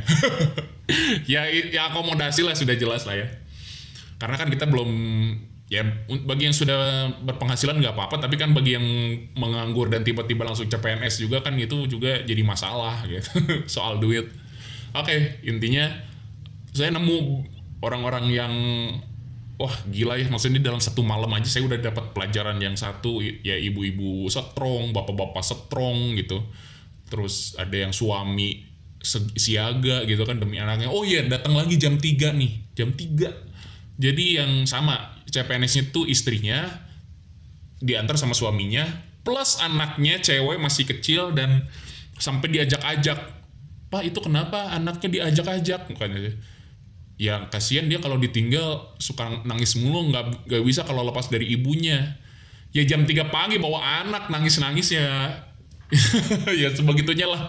Ini juga keluarga kecil gitu dan ya begitulah ya intinya. Kayak saya belajar aja gitu saya belajar aja. Artinya saya dengan gini loh hilangkan eh, anggapan bahwa wah eh, saya nih sekali tes langsung lolos wah kamu memang pinter apa segala macam kamu beruntung ya saya mikir sih kayaknya saya ini belum ada apa-apanya. Ini bukan ria atau gimana ya, tapi saya belum ada apa-apanya. Ada orang yang lebih luar biasa gitu sampai perjuangannya harus bawa anak demi anak gitu, demi istri, demi keluarga. Wah, ya luar biasa lah kemarin tuh luar biasa banget. Dan sampailah kita di drama yang kedua, second wave. second wave. Tapi kan yang malam tuh ceritanya satpam nih, ya kita agak naik naik tensi kan. Terus datang lagi nih. Mulai adalah berdatangan para CPNS yang gak tahu apa-apa gitu. Ya udah mungkin udah jam 3 kayaknya kita aman nih jam 3 datang ke sini tuh gitu. Eh tidak semudah itu Ferguson. Tidak boleh anda mengambil antrian saya. Ya gitulah perjuangan kita. Udah malam-malam nginep gitu kan? Ya bay anda bayangkan nginep. Oke okay, Dep.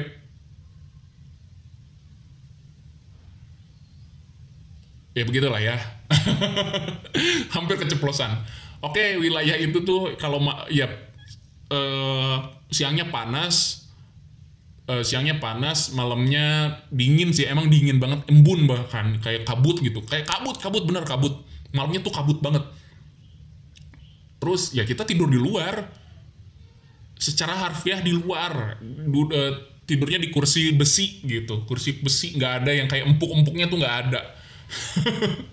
Pokoknya itu lah nggak nggak nggak nikmat lah tidur juga.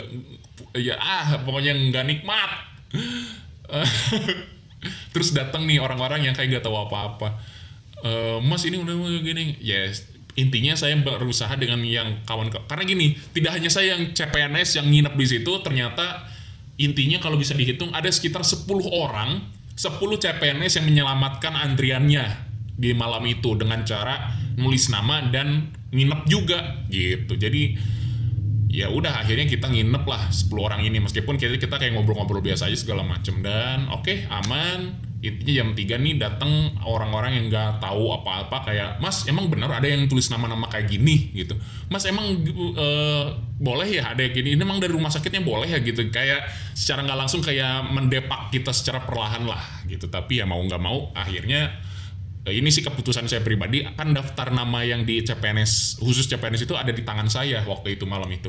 Ya udah saya buang bukannya saya mau lari dari apa tapi ini lebih baik daripada kita harus berantem gak jelas malam-malam eh pagi-pagi. Dan ya untungnya satpam juga udah ada di situ gitu. Jadi satpam juga e, ngasih ini gitu kan dalam no ini juga nih lucu nih. Jadi ceritanya karena ada juga CPNS yang cewek. Ini saya bukan mendiskreditkan cewek juga ya tapi ada yang CPNS yang cewek datang sama bapaknya. Jadi ada bapak nih dua orang nih bapak-bapak demi karena sayang eh, tanda sayang sama anaknya jadi ya kayak ya udah bapaknya yang ngurus lah ngomong sama satpam sama segala macam gitu. Jadi kayak yang datang merasa merasa pahlawan aja gitu. Ya nggak apa-apa lah tapi masa sama bawa-bawa bapak gitu. Ini nggak apa-apa juga sih. Ya intinya gitulah. Ini datang bapak-bapak ini kayak pak bener pak? gitu. Intinya mereka juga ingin menyelamat eh, ingin mendapatkan antrian lah kurang lebihnya gitu juga. Sementara kita nih kayak yang ya intinya kita udah nginep nih. 10 orang ini awalnya udah nginep. Ya udah eh, di balik pada rame-rame gitu ya udah saya bodo amat saya ganti baju. Ini bukannya apa-apa ya karena memang uh, kalau jumatan saya mem, ya saya biasa pakai baju gamis. Tahu kan baju gamis yang kayak terusan gitu daster panjang gitu. Uh, lengan panjang juga gamis warna putih gamis warna putih. Udah saya ganti aja bajunya pakai ya jaket sih tetap pakai intinya kenapa? Kenapa saya pakai itu? Satu ini sih ini mah trik saya aja sih dari dulu. Jadi supaya kamu bisa dilihat banyak orang kamu harus menggunakan pakaian yang berbeda. Ini sih bukan yang kayak maksud oh mentang-mentang jumatan pakai gamis ya. Emang sih harusnya emang disunahkan pakai baju yang bagus. Cuma saya supaya ini loh e, karena saya dari malam saya dari malam nginep ya dari jam 9 malam udah nginep. Saya udah ngobrol-ngobrol juga lah. Pokoknya ngobrol intinya 10 orang ini yang CPNS ini tahu ada saya nginep. Jadi ada saksinya saya nginep ini gitu. Ditambah juga saya menggunakan baju gamis putih gede. Jadi pasti kelihatan dong dari jauh juga ya intinya gitulah ya. E, lalu udah nih udah dimulai nih antrian gitu ceritanya. Udah di antrian nih padahal jam 4 subuh. Jam 4 subuh udah pada bikin antrian udah udah ngantri ngantri ngantri. Ngantri lah kurang lebihnya. Ya gitulah.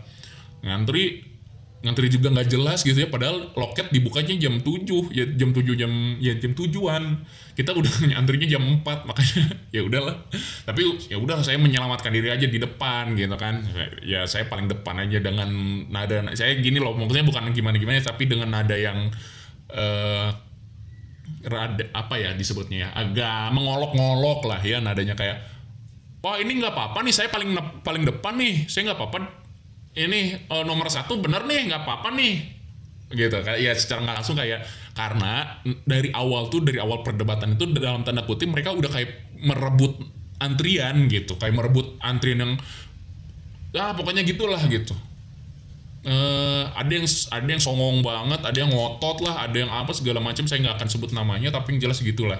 Kita nah kita yang nginep ini yang 10 orang ini udah diam-diam aja gitu. Kita eh bro pokoknya kita harus bersama gitu. ya gitu lah pokoknya bareng harus bareng lah gitu. Kayak orang yang baru datang tuh kayak ya memang sih ya dalam tanda kutip gini biar eh sama aja kayak orang datang jam 3 terus ujuk-ujuk datang ke situ kita yang penting yang masuk antrian juga sebenarnya sama aja kayak gitu hasilnya cuma ya karena saya didasari terasa takut gitu ya takut nggak dapat antrian jadi nginep intinya itu aja sih uh, oke okay, lanjut. Intinya itu kita ngantri nyimpen tas. Kenapa nyimpen tas? Karena karena kan ada juga ibu-ibu tadi ya yang yang demi anaknya lah ceritanya ya. Anaknya juga ternyata masih ada di rumah dan belum mandi. Pokoknya gitulah kacau. Uh, dijagain lah uh, tas-tas kita nih. Pada kan yang cewek juga mungkin ada yang halangan gitu ya. Ya udah yang cowok-cowoknya sholat subuh gitu. Saya sholat subuh segala macam udah sholat subuh selesai kita balik lagi ke antrian kita bikin antrian lagi gitu. Dan ya intinya pokoknya sampai proses ngantri pun sam, ini udahlah pokoknya kita dapat oh sama satpamnya dibilang gini e, coba tolong di tangannya ditulis aja nomornya gitu. Jadi dari 1 sampai 30 tuh ditulis nama eh tulis nomor 1 2 3 ya udahlah saya paling depan saya mem, ya saya jadi ini lagi volunteer lah apa ya namanya ya kayak ya udah saya uh, nulis lah nulis angka itu. Entah di tangan entah di baju entah di masker gitu kan. Pokoknya ada nama ada tulisannya supaya itu jadi bukti kalau kita tuh di angka berapa gitu. Saya, saya nulis. Kenapa saya lagi? Ini bukan caper. Jujur ini bukan maksudnya caper. Tujuannya adalah supaya orang-orang yang di belakang saya ini tahu kalau saya ini nomor satu gitu. Intinya itu aja sih sebenarnya nyari muka memang nyari muka supaya orang-orang pada tahu kalau saya ti kalau saya ini yang paling depan. Udah itu aja sih. Oh si mas ini yang tadi nomor satu yang nulis. Nah gitu. Kurang lebih ada yang kurang lebih ngeh ke sana inget ke sana. Ya udah nulis nulis nulis. Sholat lah kita sholat balik lagi udah. Setelah itu sampai paginya dan itu sangat melelahkan melelahkannya satu sempat ya namanya debat lah orang debat apa segala macam pagi-pagi ya. Yang kedua tidur nggak cukup. Tidur di bawah ya pokoknya tidur nggak tidur nggak bener lah serius itu tidur nggak bener. Yang saat yang paling saya takutkan adalah dari tidur gak benar ini adalah karena begadang ya dalam tanda kutip e, tensi darah naik. Eh tekanan tekanan darahnya rendah. Ya kalau nggak salah nggak tahu rendah nggak tahu tinggi. Pokoknya kayak nggak normal aja tekanan darahnya. Nah ini saya takutnya berhubungan dengan hasil dari jasmani itu tadi gitu.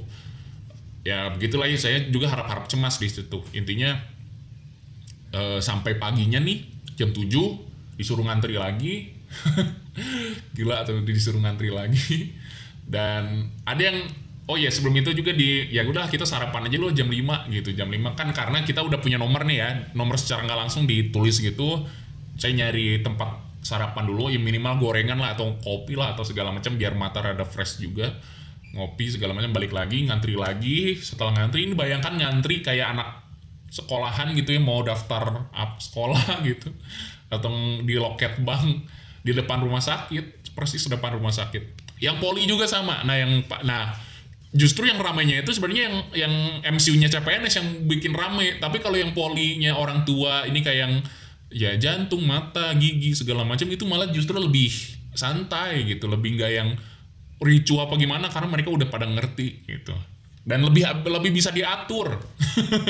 Ya mungkin entah kenapa ya wajar balik lagi CPNS kenapa agak panikan gitu ya. Karena satu memang kita dikejar waktu karena hanya waktunya cuma 15 hari gitu ya dua minggu lebih dikit banget gitu. Belum nanti dipotong Sabtu Minggu kan nggak karena nggak bisa kita tes di hari Sabtu dan Minggu dan ya begitulah kurang lebihnya. Lanjut eh, tibalah saatnya kita diberi nomor antrian sama petugasnya. Duh, udah sejam ya, oh, ya udah lanjut.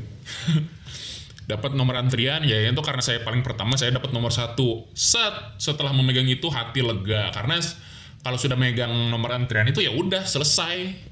Gak usah kita ngantri-ngantri lagi kayak nggak bukan ngantri juga ya maksudnya kayak ya kamu mau ke mana juga bebas selama kamu pegang itu gitu. Udah saya simpan aja di dompet jangan sampai hilang. Takutnya kalau hilang diambil orang dia sama yang lain. Yeah! Udah setelah itu kita sarapan lah sarapan bubur lah apa segala macam. Ada kan uh, warung-warung dekat rumah sakit tuh di belakang rumah sakit tuh ada gitu. Kita kayak ngobrol-ngobrol bentar apa segala macam gitu sama CPNS apalagi yang kayak yang 10 orang yang ini juga udah mulai rada, rada deket juga ya karena senasib sepenanggungan lah gimana lah. Intinya punya punya kekesalan yang sama gitu. Jadi ke mana-mana kita kayak bareng aja gitu. Sementara kayak orang lain ya kerasa lah ya bedanya. Oh ya ini juga uh,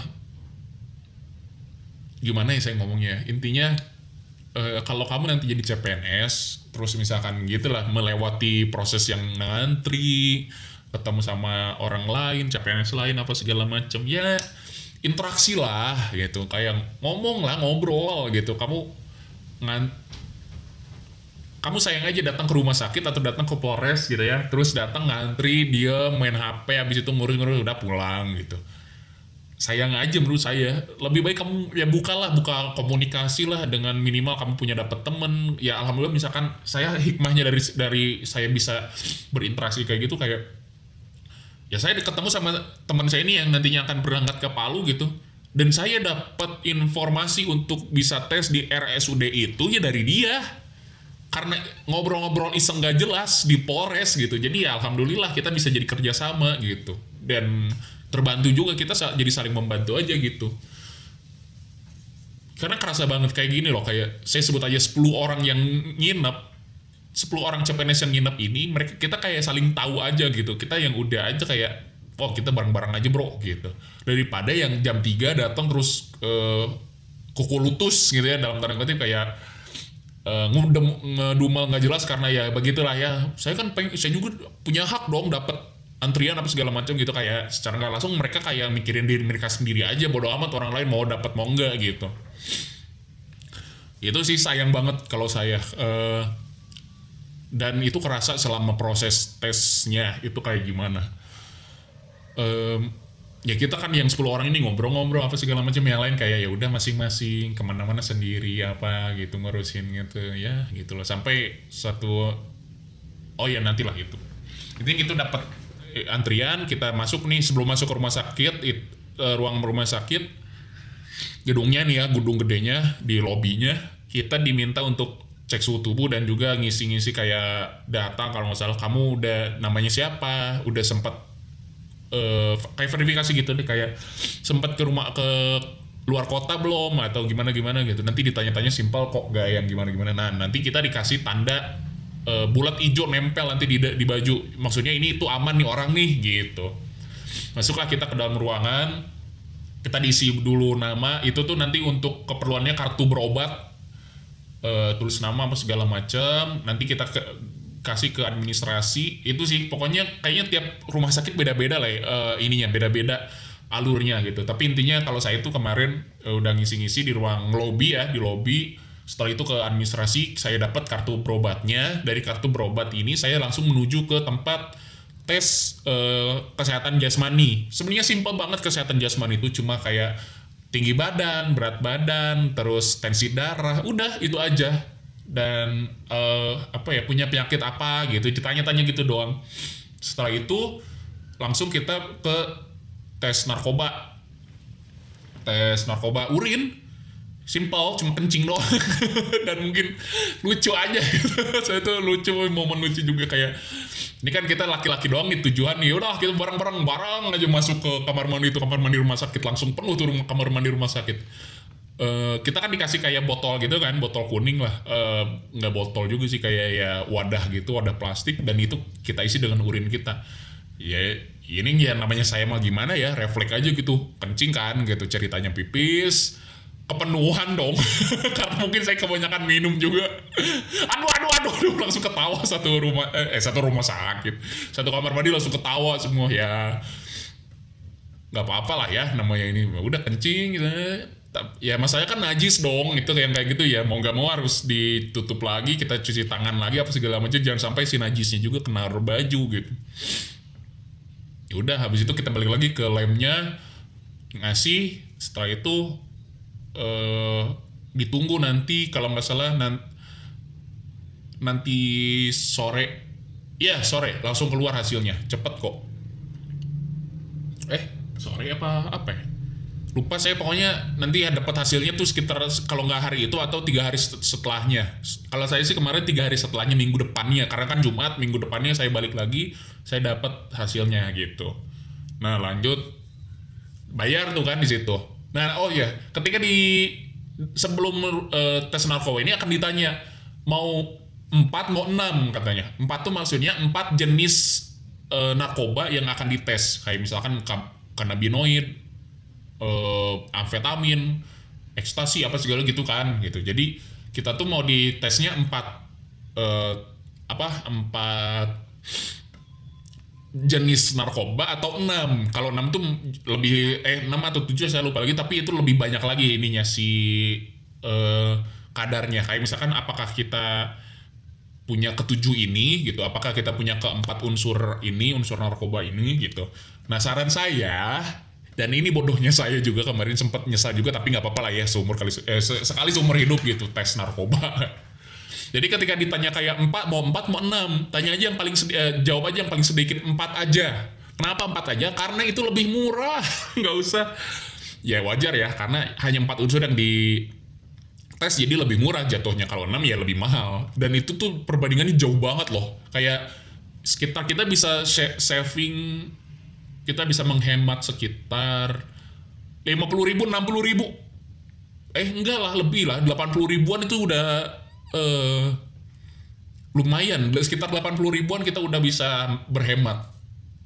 Waktu itu saya pilih ya udahlah yang paling banyak aja 6 sekalian gitu. Biar saya ya pengen tahu juga meskipun saya emang udah jelas karena saya bukan pemakai narkoba negatif hasilnya. Tapi ya pengen tahu aja sih. Ya gitu ternyata hasilnya sama aja eh, dan gak penting sebenarnya mau 4 mau 6 yang paling penting itu tetap dok si dokternya ini yang mengesahkan surat pernyataan bahwa kita ini lolos uji narkoba itu memiliki NIP atau tidak? Udah itu aja. Yang penting punya NIP yang penting punya NIP yang penting punya NIP. Udah nih setelah itu kan eh di apa setelah uji narkoba beres kan? Naik lagi ceritanya ke lantai dua nih. Lantai dua tuh langsung kita tes rohani. Tes rohaninya kayak gimana? Namanya MMTI eh M- MMPI apa? Saya lupa lagi lah pokoknya itu. Eh simple sebenarnya ngejawabnya juga gampang. Iya atau tidak. Kayak misalkan contoh ya nanti ke anda ini akan diberi pernya satu pernyataan. Kayak misalkan saya suka tidur larut malam gitu kan. Nah anda tinggal ja kamu tuh tinggal jawab aja iya atau tidak. Kalau misalkan kamu suka tidur larut malam jawab aja iya kalau kamu tidak suka jawab aja tidak. Gitu simpel gitu aja. Hanya saja yang bikin pusing soalnya itu ada 600 bro. 600 dan ini tuh cep PBT apa itu PBT paper based test. Jadi anda tahu UN yang masih zamannya melingkari pakai pensil 2B yang hitam-hitam gitu? Ya itulah ya jadi selama durasi 600 soal ini Anda harus mengisi dengan cara itu membulatkan. Jujur bagi saya itu simpel banget jawabannya dan gampang banget gitu. Dan ini sebenarnya mengi eh, mengetes apakah kita punya gejala kejiwaan gitu ya masalah kejiwaan atau tidak. Udah simpel aja gitu. Apakah kita punya gejala psikopat ini bagi orang-orang yang psikopat kayaknya bisa aja nih kedetek dengan tes ini gitu. Simpel aja sih sebenarnya itu doang 600 iya atau tidak udah pilih doang antara dua itu. Cuma bos capek ngelingkari melingkari itu. Dan harus fokus. Anda bayangkan saya malamnya begadang tidur kurang terus tiba-tiba dikasih 600 soal dibuletin pula gitu ya gitulah ya dibuletin makanya gitu sampai hampir ngantuk-ngantuk gitu. Dan parahnya ya sebenarnya nggak parah-parah juga sih tapi ya saya alhamdulillah lancar-lancar aja. Dan bagi uh, apa ya tipsnya jujur. Itu aja sih tapi jangan jujur-jujur banget ya dalam tanda kutip nih. Uh, karena saya yakin meskipun kita kayak ada ketemu orang kayak orang ini normal-normal aja tapi ternyata bisa disinyalir dia tuh psikopat gitu. Ternyata dia tuh psikopat. Jadi bagi kawan-kawan yang psikopat nih ya mohon maaf anda mungkin agak licik sedikit juga nggak apa-apa lah. Pokoknya agak agak berbohong dikit juga nggak apa-apa. Yang penting bisa lolos aja gitu. Karena saya yakin gini loh kayak separah-parahnya psikopat gak mungkin sampai dia ngebunuh orang lah saya yakin gitu. Karena uh, ini mohon maaf saya bongkar aibnya dikit aja nggak apa-apa ya. Ini teman saya untung namanya nggak saya sebut intinya dia tuh uh, ternyata hasilnya gagal gitu. Uh, dipertimbangkan dipertimbangkan. Jadi hasilnya tuh nggak kayak yang angka kayak 100 200 enggak enggak bukan yang eh, lolos atau tidak lolos tapi direkomendasikan atau dipertimbangkan. Hasilnya itu cuma itu aja.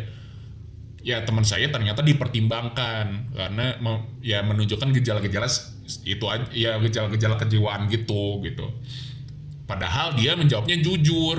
Nah mungkin tips untuk menjawab secara jujur juga jangan terlalu deh. Karena kelihatan juga kok dari pernyataannya kayak misalkan gini. Saya sering mendengar suara-suara aneh. Saya sering melihat penampakan-penampakan aneh gitu. Saya uh, selalu uh, mimpi buruk yang kayak gitu-gitu sebenarnya ada pernyataan yang kayak gitu, tapi hanya saja memang uh, ya hindarilah. Misalkan kalau kamu ditanya apakah saya sering mimpi buruk, ya jawab aja tidak. Simpel aja sih, simpel itu gitu. Ya karena memang saya pribadi nggak pernah mimpi buruk gitu. Intinya sepokoknya buat diri kita tuh sebagai orang yang paling normal gitu nggak sampai yang kayak punya depresi lah sempat ada sampai ada yang kayak pernyataan saya pernah berpikir untuk bunuh diri itu ada loh pernyataan kayak gitu jadi kalau bagi saya kalau ada pernyataan kayak gitu saran saya itu tulis uh, jawab aja tidak. Jawab aja tidak meskipun anda punya keinginan itu gitu. Jawab aja tidak. Ya meskipun emang sih agak menipu cuma kalau nggak gitu anda nggak akan lolos serius. Sayang sayang waktu sayang uang.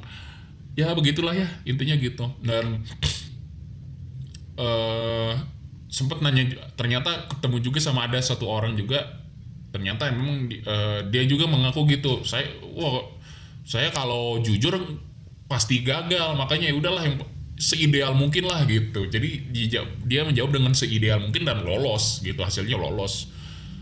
Udah deh setelah itu oh ya sempat saya tes rohani itu dipotong jamnya apa eh dipotong jamnya. Kayak setengah dulu ngerjain setelah itu eh, setelah itu jumatan ceritanya gitu ya udah jumatan seperti biasa. Ngantuknya luar biasa. Ya Allah maaf.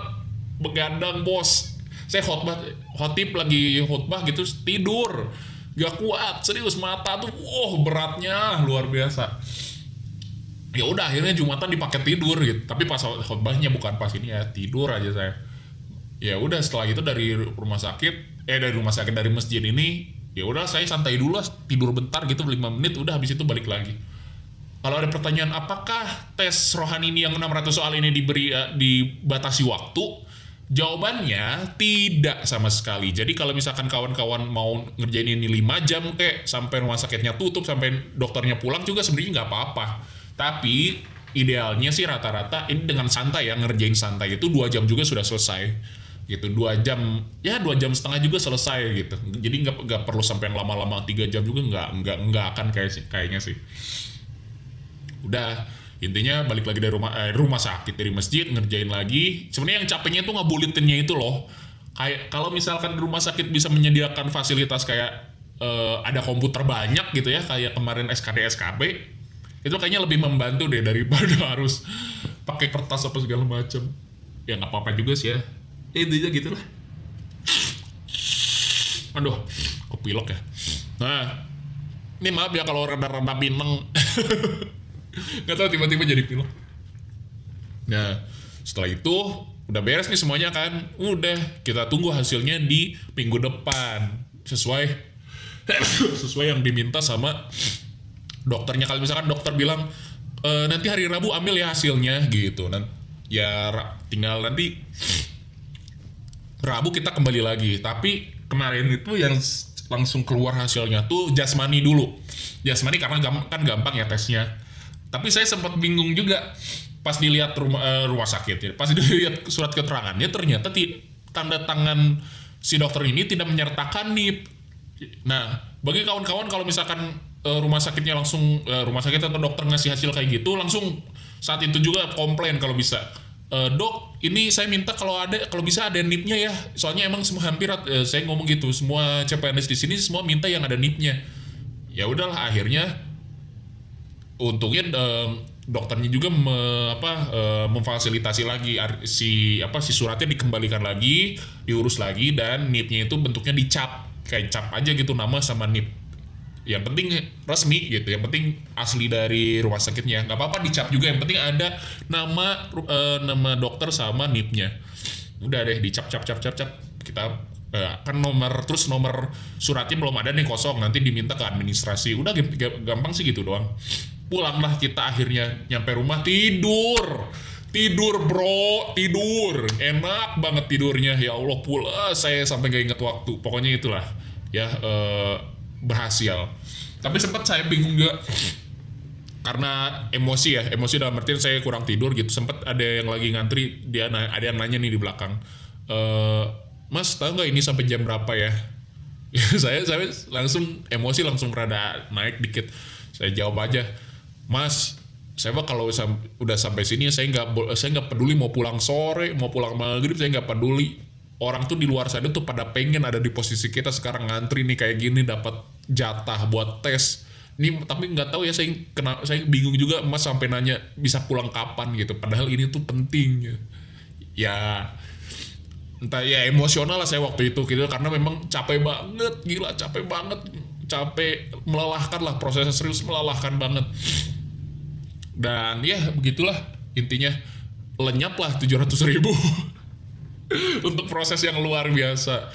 Uh, ya akhirnya rabunya rabu bes uh, minggu de, uh, minggu depannya ini hari rabu sudah ya. Oh ya yeah. waktu setelah tesnya ini balik lagi ya ke hari jumat mohon maaf balik lagi ke hari jumat. Dokternya bilang e, mas kalau misalkan mas uh, tunggu aja sampai hari rabu kalau ada ada panggilan lewat wa atau di chat ya nanti mas kan nulis uh, nomor WhatsApp ya di sana gitu.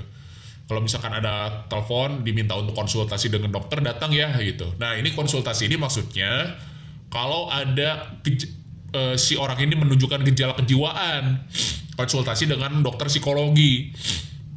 Jadi nanti akan wawancara dikit, oh kayaknya wawancara dan setelah itu di misalkan kalau cuma gejala-gejala dikit-dikit itu nanti akan di hasilnya akan direkomendasikan bukan dipertimbangkan. Tapi sayangnya bagi teman saya ini yang di Palu yang nanti akan berangkat ke Palu ini ya ternyata tidak bisa gitu uh, di apa hasilnya dipertimbangkan. Gagal lah secara tidak langsung gagal hasilnya. Padahal dia sudah wawancara segala macamnya gitu dan sangat disesali juga sama kita ya sama saya juga sayang banget gitu udah capek-capek waktu apa segala macam tenaga ternyata gagal. Karena waktunya mepet banget. Waktunya mepet banget. Bentar lagi. Dan nggak tahu bingung harus nyari ke rumah sakit mana. Dan akhirnya dia dat cari-cari cari info. Alhamdulillahnya hari itu juga dia dapat rumah sakit. Di uh, rumah sakit mana lah saya sebut lah ya. Eh saya nggak akan sebut lah. Pokoknya dapat dia di rumah sakit mana dan di hari yang sama juga karena saya udah dapat berkas semua berkasnya saya sore itu juga langsung ngurus DRH gitu ya. Saya langsung ngurus DRH nanti saya jelaskan daerah itu apa. Ini kayaknya panjang banget ya. Satu jam setengah nggak apa-apa lah. Lanjut aja bro. Nah lanjut. Intinya tuh kayak kita dapat uh, udah dapat semuanya berkasnya kan. Satu SKCK dapat aman. Tiga surat keterangan sehat ini udah aman narkoba rohani jasmani aman. Ijazah transkrip aman. Surat pernyataan oke. Surat lamaran lengkap. Nah tinggal isi DRH isi DRH nah ketika ngisi kayak gitu tuh saya sambil uh, menghubungi teman saya waktu itu yang lucu ya yang eh, maksudnya yang pas di UNJ di UNJ ketemu sama orang yang sama-sama ya teman calon teman kantor gitu. Pas saya tanya dia bro udah beres belum? Belum bro dia jawab belum. Di waktu yang sangat mepet dia jawab belum. Wah gila belum. Serius sudah segala macam. Ya udah saya kasih tahu aja. Anda bayangkan sekitar tiga hari lagi itu pemberkasan akan selesai tapi dia belum ngurusin SKCK belum ngurusin apa dia belum ngurusin surat keterangan sehat segala macam gitu. Ya ya. Gila lah pokoknya. Ya udah saya langsung hubungin aja. Bro ketemu sama orang ini ya teman saya yang nanti akan ke Palu hubungin orang ini ya teman gue juga dia bakal besok mau tes mending lu ikut sama dia aja ketemuan nanti di rumah sakit A gitu. Jadi saya uh, suruh dia buat udahlah langsung urus aja ke rumah sakit itu. Eh nggak tahunya di rumah sakit ini ternyata bisa. Satu itu bisa dalam artian memang rumah sakit yang uh, di bawah pemerintah lah gitu ya kurang lebihnya lah. Dan juga untuk mendapatkan surat keterangan rohani ini sehat rohani ini sehari beres dong. Sehari beres. Dia tuh ya kenapa saya tahu ya dia langsung nge saya kan yang yang teman saya ini. Bro sehari beres.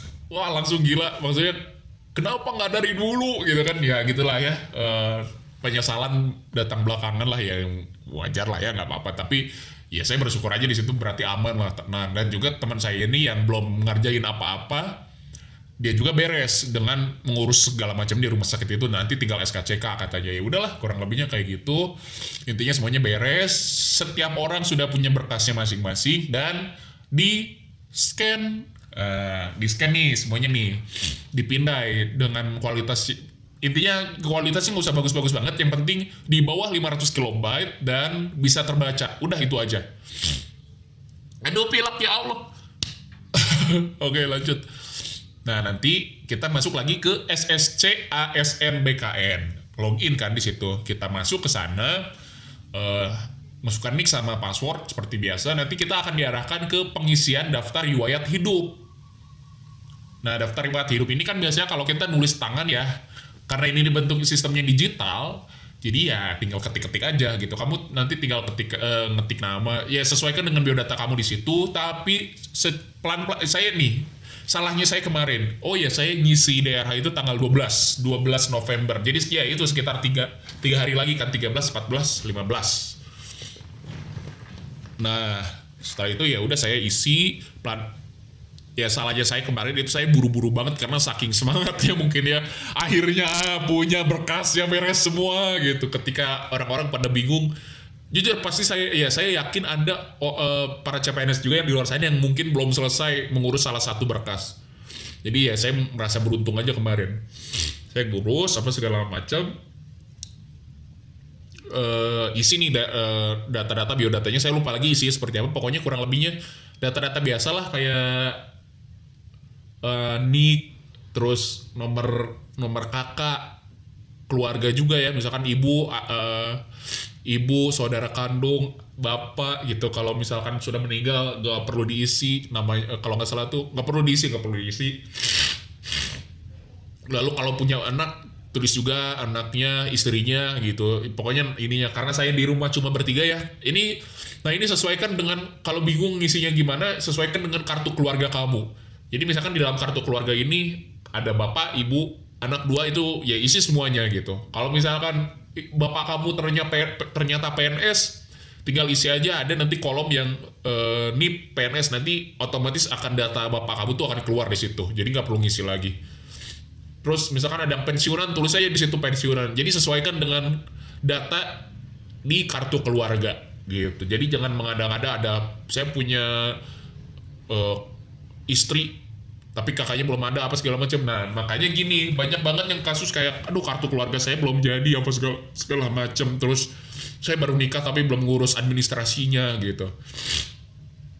saya sarankan sebelum pemberkasan ini semua bentuk administrasi KTP, KK, surat nikah, surat cerai lah, kayak surat kematian, uh, surat keterangan pindah lah, terus apalah segala macam itu udah selesai semuanya ya. Urus sama disduk, disduk capil di wilayah kamu pribadi. Jadi jangan sampai kayak, aduh saya pas lagi kayak gini, pas penting banget, tapi ada satu hal yang mengganjal, kayak misalkan ya apalah ada tiba-tiba saya lu saya nggak terlalu uh, tahu ya tapi intinya itulah soal administrasi pribadi ini jangan sampai uh, masalah baru lah gitu. Jangan bikin masalah baru padahal ya waktunya juga mepet juga.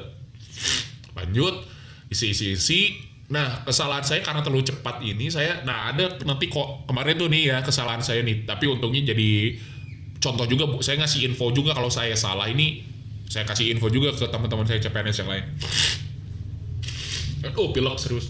Jadi intinya kemarin tuh diisi diminta mengisi riwayat pendidikan. Saya ngisi riwayat pendidikan tuh hanya ya Allah. Aduh. Mulai pil. Kenapa ya kalau di sini kok pilok aduh. Ya intinya itulah.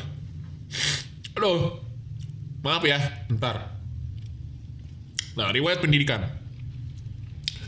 Saya ngisi kemarin cuma uh, eh, S1 saya aja. Padahal di, di situ udah jelas diminta SD sampai terakhir. Misalkan saya melamar di posisi di S1 gitu ya. Kalau S2 tulis aja S2, kalau misalkan di S1 S1 aja. Nah, uh, tulis aja uh, isilah dari sesuai ketentuan. Di situ jelas banget ketentuannya. Dimintanya apa segala macamnya apa segala macam gitu. Jangan menggunakan tanda baca. Di situ udah jelas semuanya. Tapi saya karena saya terlalu semangat jadi ya udah saya ngisi S1 karena di dalam pikiran saya kayaknya riwayat pendidikan itu hanya sebatas yang saya kan ngelamar sesuai dengan S1 gitu ya ya udah saya isinya S1 aja nggak perlu SD sampai SMA tuh nggak perlu nggak taunya perlu juga harus dan bla bla bla bla setelah selesai nanti daerah ini kan biodatanya udah diisi nih nanti ceritanya kamu akan nge nge-save si data ini, si data daerahnya ini ke dalam bentuk PDF. Jadi otomatis jadi bentuk PDF gitu, ada tabel-tabel gitu. Dan juga oh ya ada daerah perorangan. Kan oh film, maaf. Ada dua daerahnya. Ada daerah perorangan jadi yang bentuknya individu kayak biodata banget. Ada nanti di situ ada pas foto dan juga ada kayak uh, data diri lah gitu ya. Dan nanti di setelah itu ada satu lagi file yang isinya uh, menerangkan itu nomor surat uh, ya SKCK nomor suratnya surat keterangan sehat yang paling sangat saya hargai surat itu gitu ya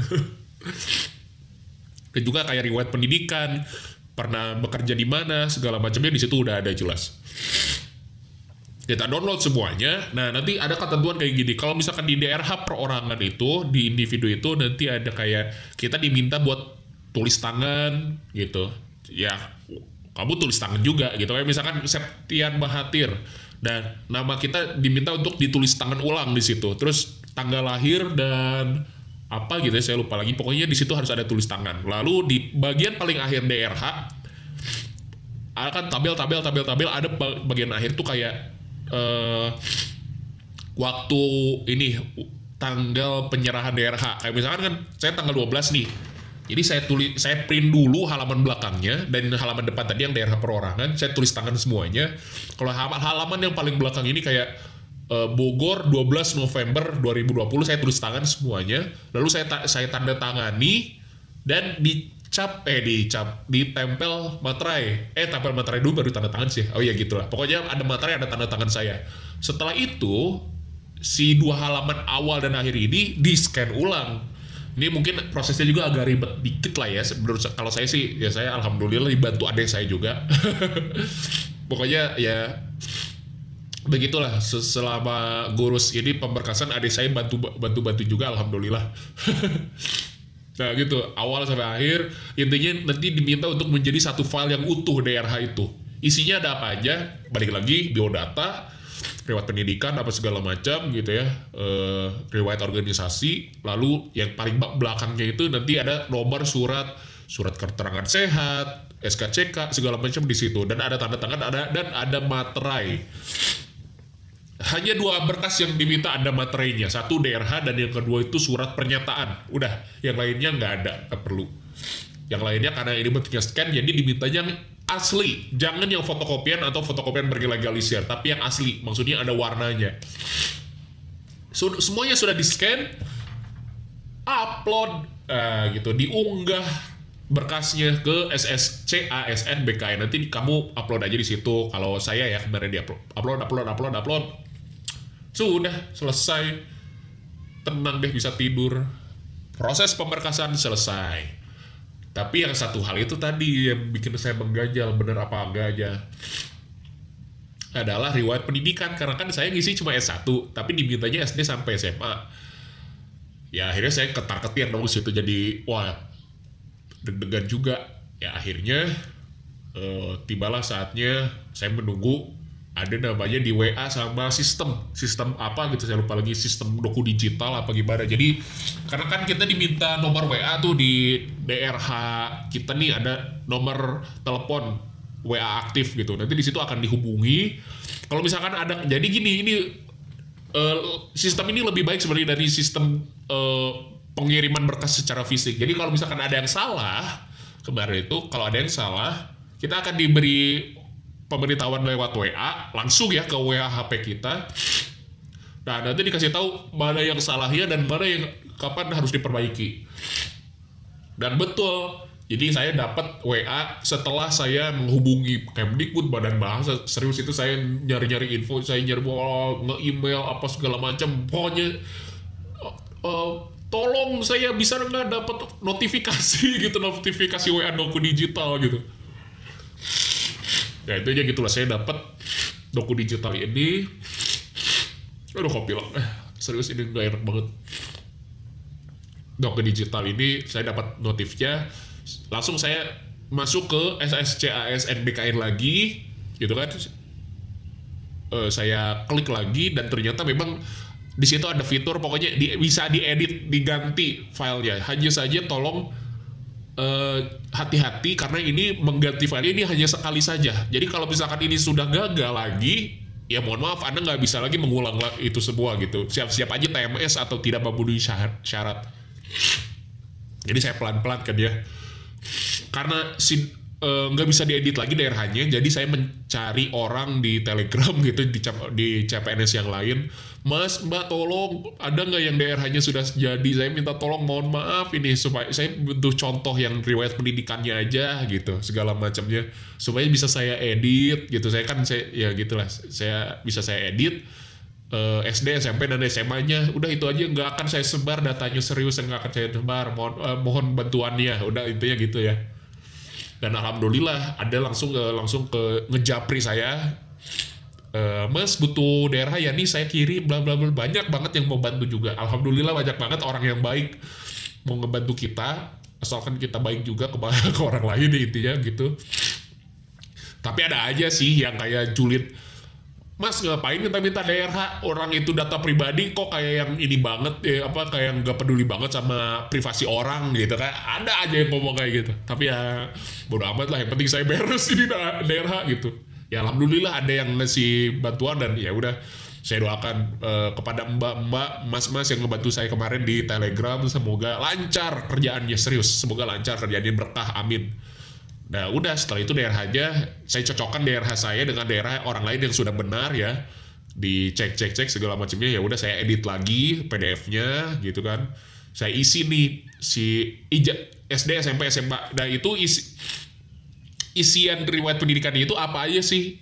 Tinggal lihat ijazah kamu aja. Ijazah SD ijazah SMP ijazah SMA nah ini juga banyak banget yang jadi masalah.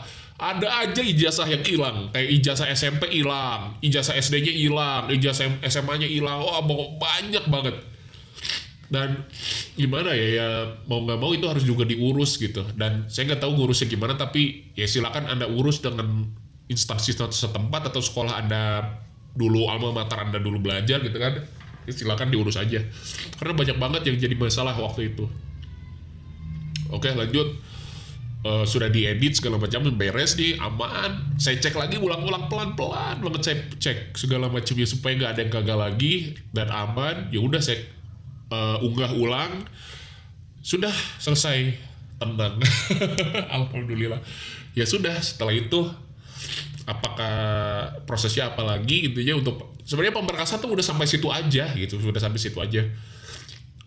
Dan ternyata teman-teman saya juga banyak yang mengalami hal serupa ya gagal salah berkas ya lah kurang tepat lah keliru apa segala macam dan diminta untuk unggah ulang banyak banget. Jadi itulah uh, sampailah kita di tanggal 15 di akhir masa pemberkasan dan ya sudahlah sambil menanti detik-detik akhir selesai gitu. Dan di situlah kita masih sebenarnya nggak bisa disebut uh, woi akhirnya kita lolos gitu. Nggak nggak gitu juga sih. Tapi kayak uh, ya jangan apa ya intinya kita harus cari info, info informasi juga apakah data kita yang sudah kita berikan ini sudah benar atau tidak gitu infonya nggak usah sampai nanya-nanya langsung ke instansi ya. Tapi gini loh kalau misalkan instansi uja instansi pun sudah ngerti kalau misalkan kamu ada yang salah kamu akan dihubungi. Kalau kamu sudah benar semuanya kamu tidak akan dihubungi. Kurang lebihnya seperti itu. Jadi nggak perlu sampai harus hayo hanya apa tiap hari nanya uh, mohon maaf apakah data saya sudah diterima atau belum? Kamu itu nggak perlu sih menurut saya. Kalau misalkan kamu tidak ada pemberitahuan apa apa dari instansi ya berarti aman. Karena ya itu filenya eh filenya itu kan saya yakin banyak orang yang bertugas ekstra keras untuk mengurusi berkas itu gitu ya. Intinya itu sih. Berkasnya semuanya sudah aman. Jadi terakhir saya perbaikan berkas itu cuma itu doang di DRH aja. Sisanya semuanya aman. Udah bis itu oh ya intinya setelah itu kita nunggu SK CPNS keluar.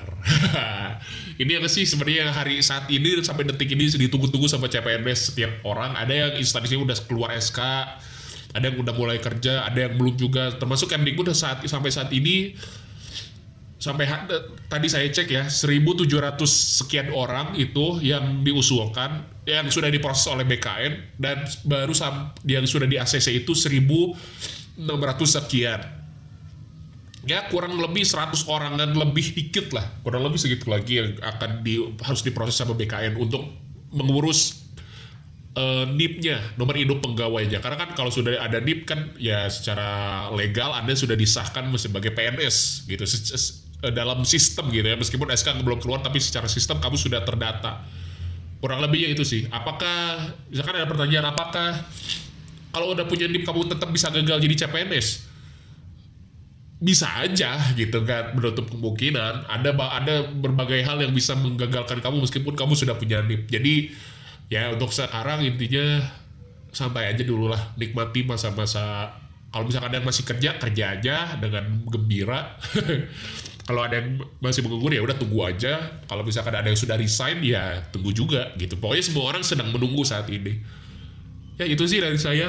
Nah untuk pemberkasan kalau misalkan ada yang belum jelas kalau atau misalkan penjelasannya kayak naik turun naik turun bolak balik bolak balik itu mohon maaf karena random banget saya nggak jujur di depan saya ini nggak ada yang namanya kayak apa ya kayak daap kertas gitu bisa dicek tulisannya apa segala macam gitu enggak. Ya kurang lebihnya gitulah. Ini saya ngomong dari yang tadi panas langsung kepilek. Ini nggak bisa napas ini.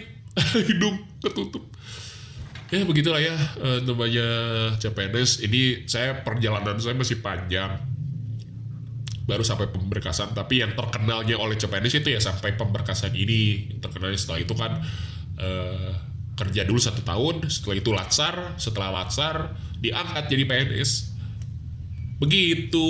Jadi ya bagi kawan-kawan yang mau jadi CPNS smart ya. Ya tetap saya kalau misalkan ada mau ngedem saya di IG saya at maha.docs uh, tinggal dicek aja gitu ya.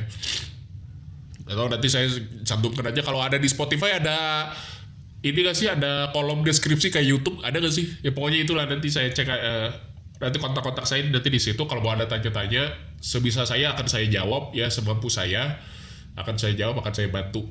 Ya kurang lebihnya gitu aja sih untuk pemberkasan. Dan setiap tahapannya menarik lah buat saya. Setiap tahapannya punya cerita lah. Lucu aja sih keren aja sih. Satu ya SKD-nya, SKB, ya pemberkasan, ya administrasi. satu tahun loh bro. Allah Akbar. Ini proses yang lama banget kayaknya untuk menjadi CPNS tuh. Karena pandemi juga ya.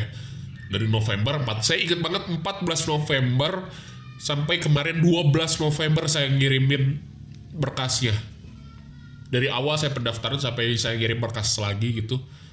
Kayak satu tahun kurang dua hari kayaknya. Ya itulah luar biasanya. Good job Allah.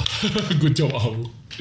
Ya terima kasih. Eh, alhamdulillah syukur luar biasa kepada Allah taala. Pokoknya sama keluarga saudara teman-teman. Itu ya semua orang yang sudah turut mendukung saya. Tenang ya insya Allah saya akan balas kebaikan eh, anda semua dengan doa dan semampu saya gitu. Ya intinya kita saling mendoakan aja. Semoga mendap- setiap orang punya ha- mendapatkan hal-hal yang terbaik. Itu aja paling dari saya buat pemberkasan kalau kurang-kurangnya nanti mungkin saya akan bikin satu lagi eh, misalkan ada tambah-tambahan kalau ada yang saya lupa di seleksi-seleksi sebelumnya. Itu aja sih paling ya Eh, terima kasih.